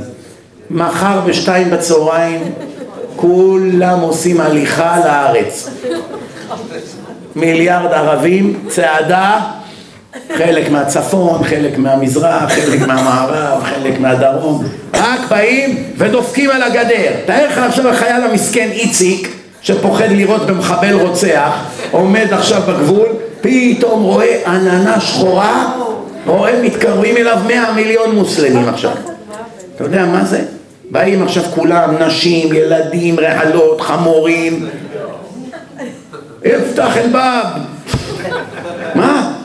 אה, המפקד, יש כאן איזה מאה מיליון ערבים דופקים על הגדר. רק שנייה. אה, המפקד, כל אחד הולך למפקד, הגיעו לביבי. אני בדיוק בדרך לארצות הברית, אני אשאל את אובמה. מה יעשו? הם ינערו את הגדרות, אף חייל כמובן לא יירה בהם. ייכנסו לארץ, ימלאו לך את כל הארץ, יבואו ישבו לך פה ככה, מוחמד, מוסטפא, אחמד, זוזו! נגמר הסיפור.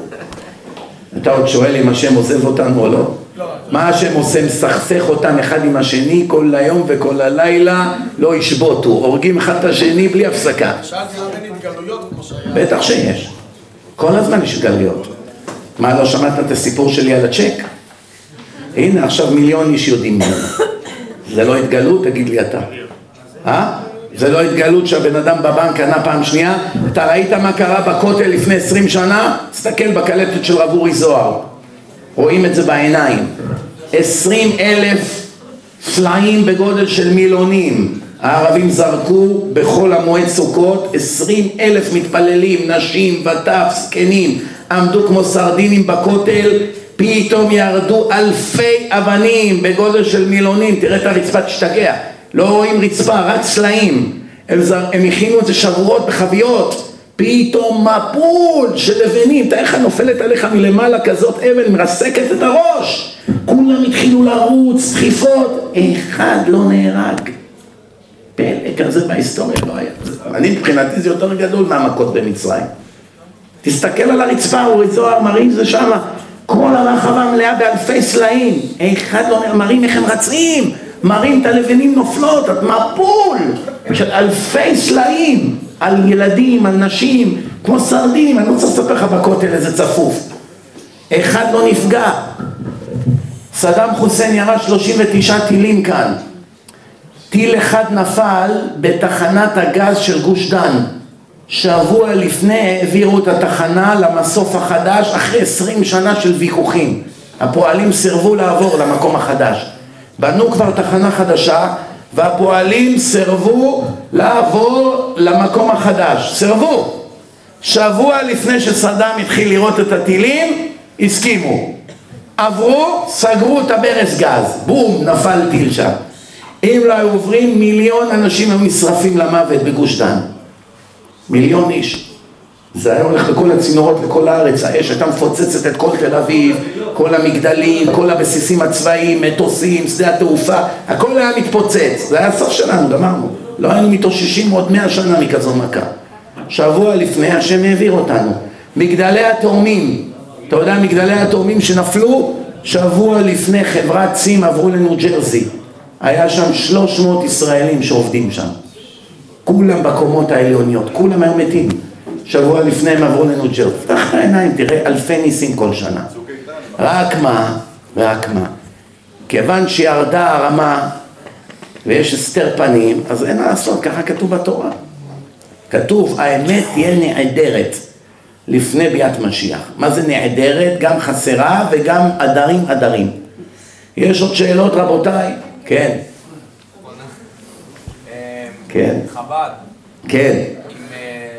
אה. החלטתם לסבך אותי חזק היום פה הלילה. נו, דיברו על- הברסלב, זה כבר מזכיר. חב"ד, נו, מה עם חב"ד? מלך המשיח, שהם אומרים נגיד ש... גם כן שטויות. אחרי שאתה מניח, אז הם אומרים לך, תגיד, יחי אדוננו. אסור להגיד את זה, זה עבודה זרה. הם מאמינים ברבי מלובביץ' שהוא אלוה. מתפללים אליו שהוא מזווק זיווגים, לא כולם כמובן. יש גם ביניהם נורמלים, יש את הרב איתן בגדדי, הוא חב"דניק והוא לומד, מתפלל בסידור שלהם, הוא צדיק רציני, כל היום תורה, מוסר, קדושה, יראת שמיים. אם, אם כל החב"דניק היו כמוהו, אני בעצמי הייתי נהיה חב"דניק. אותו מוסר. הוא בעצמו יצא מוסר גם. הוא בעצמו? הוא בעצמו יצא נגדם. כן, ודאי, זה לא עניין, גם דרך בח- בחב"ד עצמם הם נגד התופעה הזאת של המשיחיסטים. רק הבעיה שהרוב בחב"ד הם משיחיסטים, זה הבעיה. הם הרוב. תלך ב-770 בניו יורק, תראה כמה הם, מאות שם. יחי אדוננו, כולם קמים פתאום, הרבי נכנס, לזוז. לזוז, הרבי נכנס, פותחים את הדלת, כאילו הוא נכנס עכשיו, כולם עומדים, נותנים לו עלייה. יעמוד רב מנחם מנדל, מלך המשיח שליטה לקרוא בתורה. יש איזה אשכנזי אחד אמר, נראה אותם נותנים לו הגבהה, שיקריא את התורה נראה. שומע? הם עומדים בהבדלה, תסתכל ביוטיוב. בארץ אבל זה לא הגיע לזה הרב. מישהו צילם, בארץ זה גם כן ככה, ב- גם כן ככה. לא ראיתי. בכפר חב"ד גם יש את הדברים האלה. תשמע טוב, תראה ביוטיוב, הם עומדים בשורה במוצאי שבת ליד הכיסא של הרבי עם הכוס, כאילו שהוא מוזג להם היין של ההבדלה. ומישהו צילם במצלמה נסתרת איך הם משתחווים לכיסא שלו ככה. משתחווים ככה לכיסא. לא? של מי?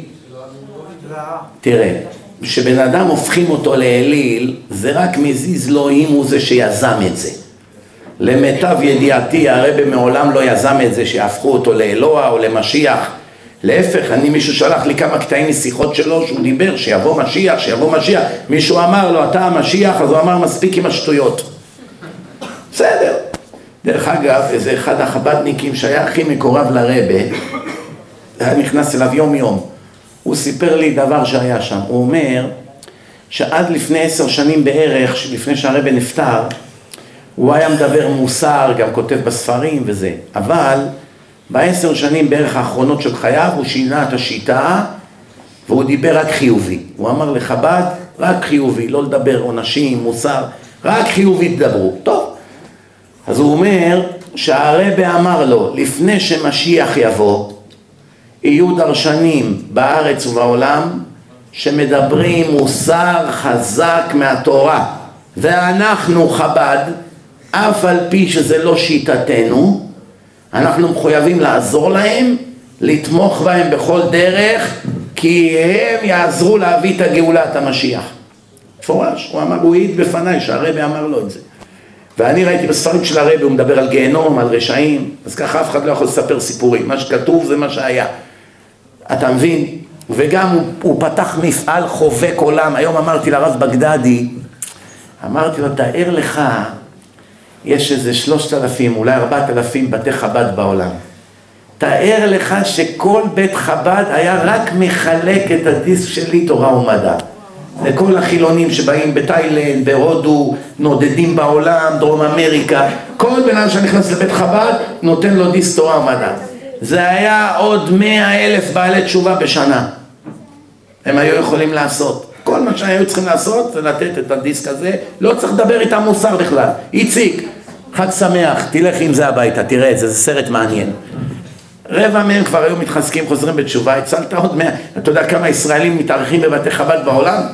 רק שהיו נותנים תורה ומדע, אין שם הרבה מוסר, אין שם, זה רק הוכחות הכל, תכלית החיים, רק היו נותנים, יש איזה חב"דניק, הוא בעצמו משיחיסט, קוראים לו אדם סטיין, רב של חב"ד באוניברסיטה בניו יורק, זה נקרא סטוני ברוק, סטוני ברוק אוניברסיטי, זה אוניברסיטה של כל המדענים, אלה שזוכים בפרסי נובל, כל מיני פיזיקאים, הם לומדים שם, הם הזמינו אותי לשם לשבתון, לכל הסטודנטים.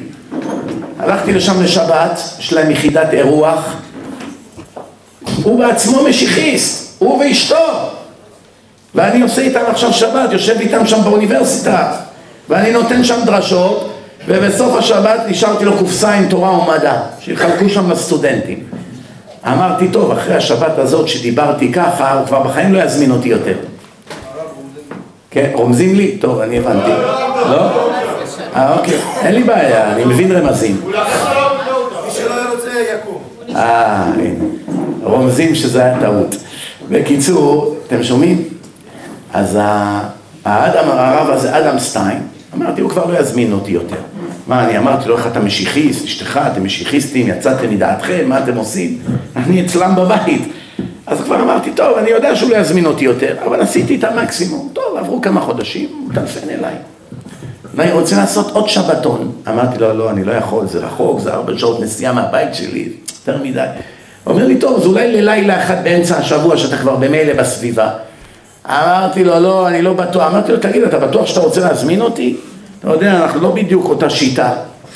הוא אומר לי, כן, אני יודע, אל תדאג, אני יודע שאתה בשיטה חזקה וזה. אז אני אומר, למה אתה מזמין אותי שוב? התפלאתי מאוד. הוא אומר לי, אני אגיד לך את האמת, אני כבר 12 שנה פה בקמפוס. אני הרב של האוניברסיטה. אין, הזמנתי מאות רבנים. אחד לא חזר בתשובה, 12 שנה. הזמנתי אותך שבת אחת, עשרה נהיו לי פה שומרי שבת. אתה, אתה שואל אותי למה אני מזמין אותך? אני לא בשיטתך, נכון. אמרת לי על המשיחיסטיות בפנים, נכון. אבל אני רוצה לך, שהיהודים פה יהיו שומרי שבת. התעלה על כבודו, על האגו שלו, על השיטה שלו, אולי עוד עשרה יחזרו בתשובה. אתה הבנת? זה קשה למצוא כאלה אנשים. שים לב, אני מבחינתו ההפך הגמור שלו. אני באידיאולוגיה כזאת והוא בכלל באידיאולוגיה אחרת, אבל הוא ראה תוצאות, הוא מוכן לסבול לשבת איתי 25 שעות בשולחן, אולי יחזרו עוד כמה בתשובה. ואחד כזה אני מסיר בפניו את הכובע. היום אתה קצת בשיטה שונה ממישהו, גומר אותך באינטרנט.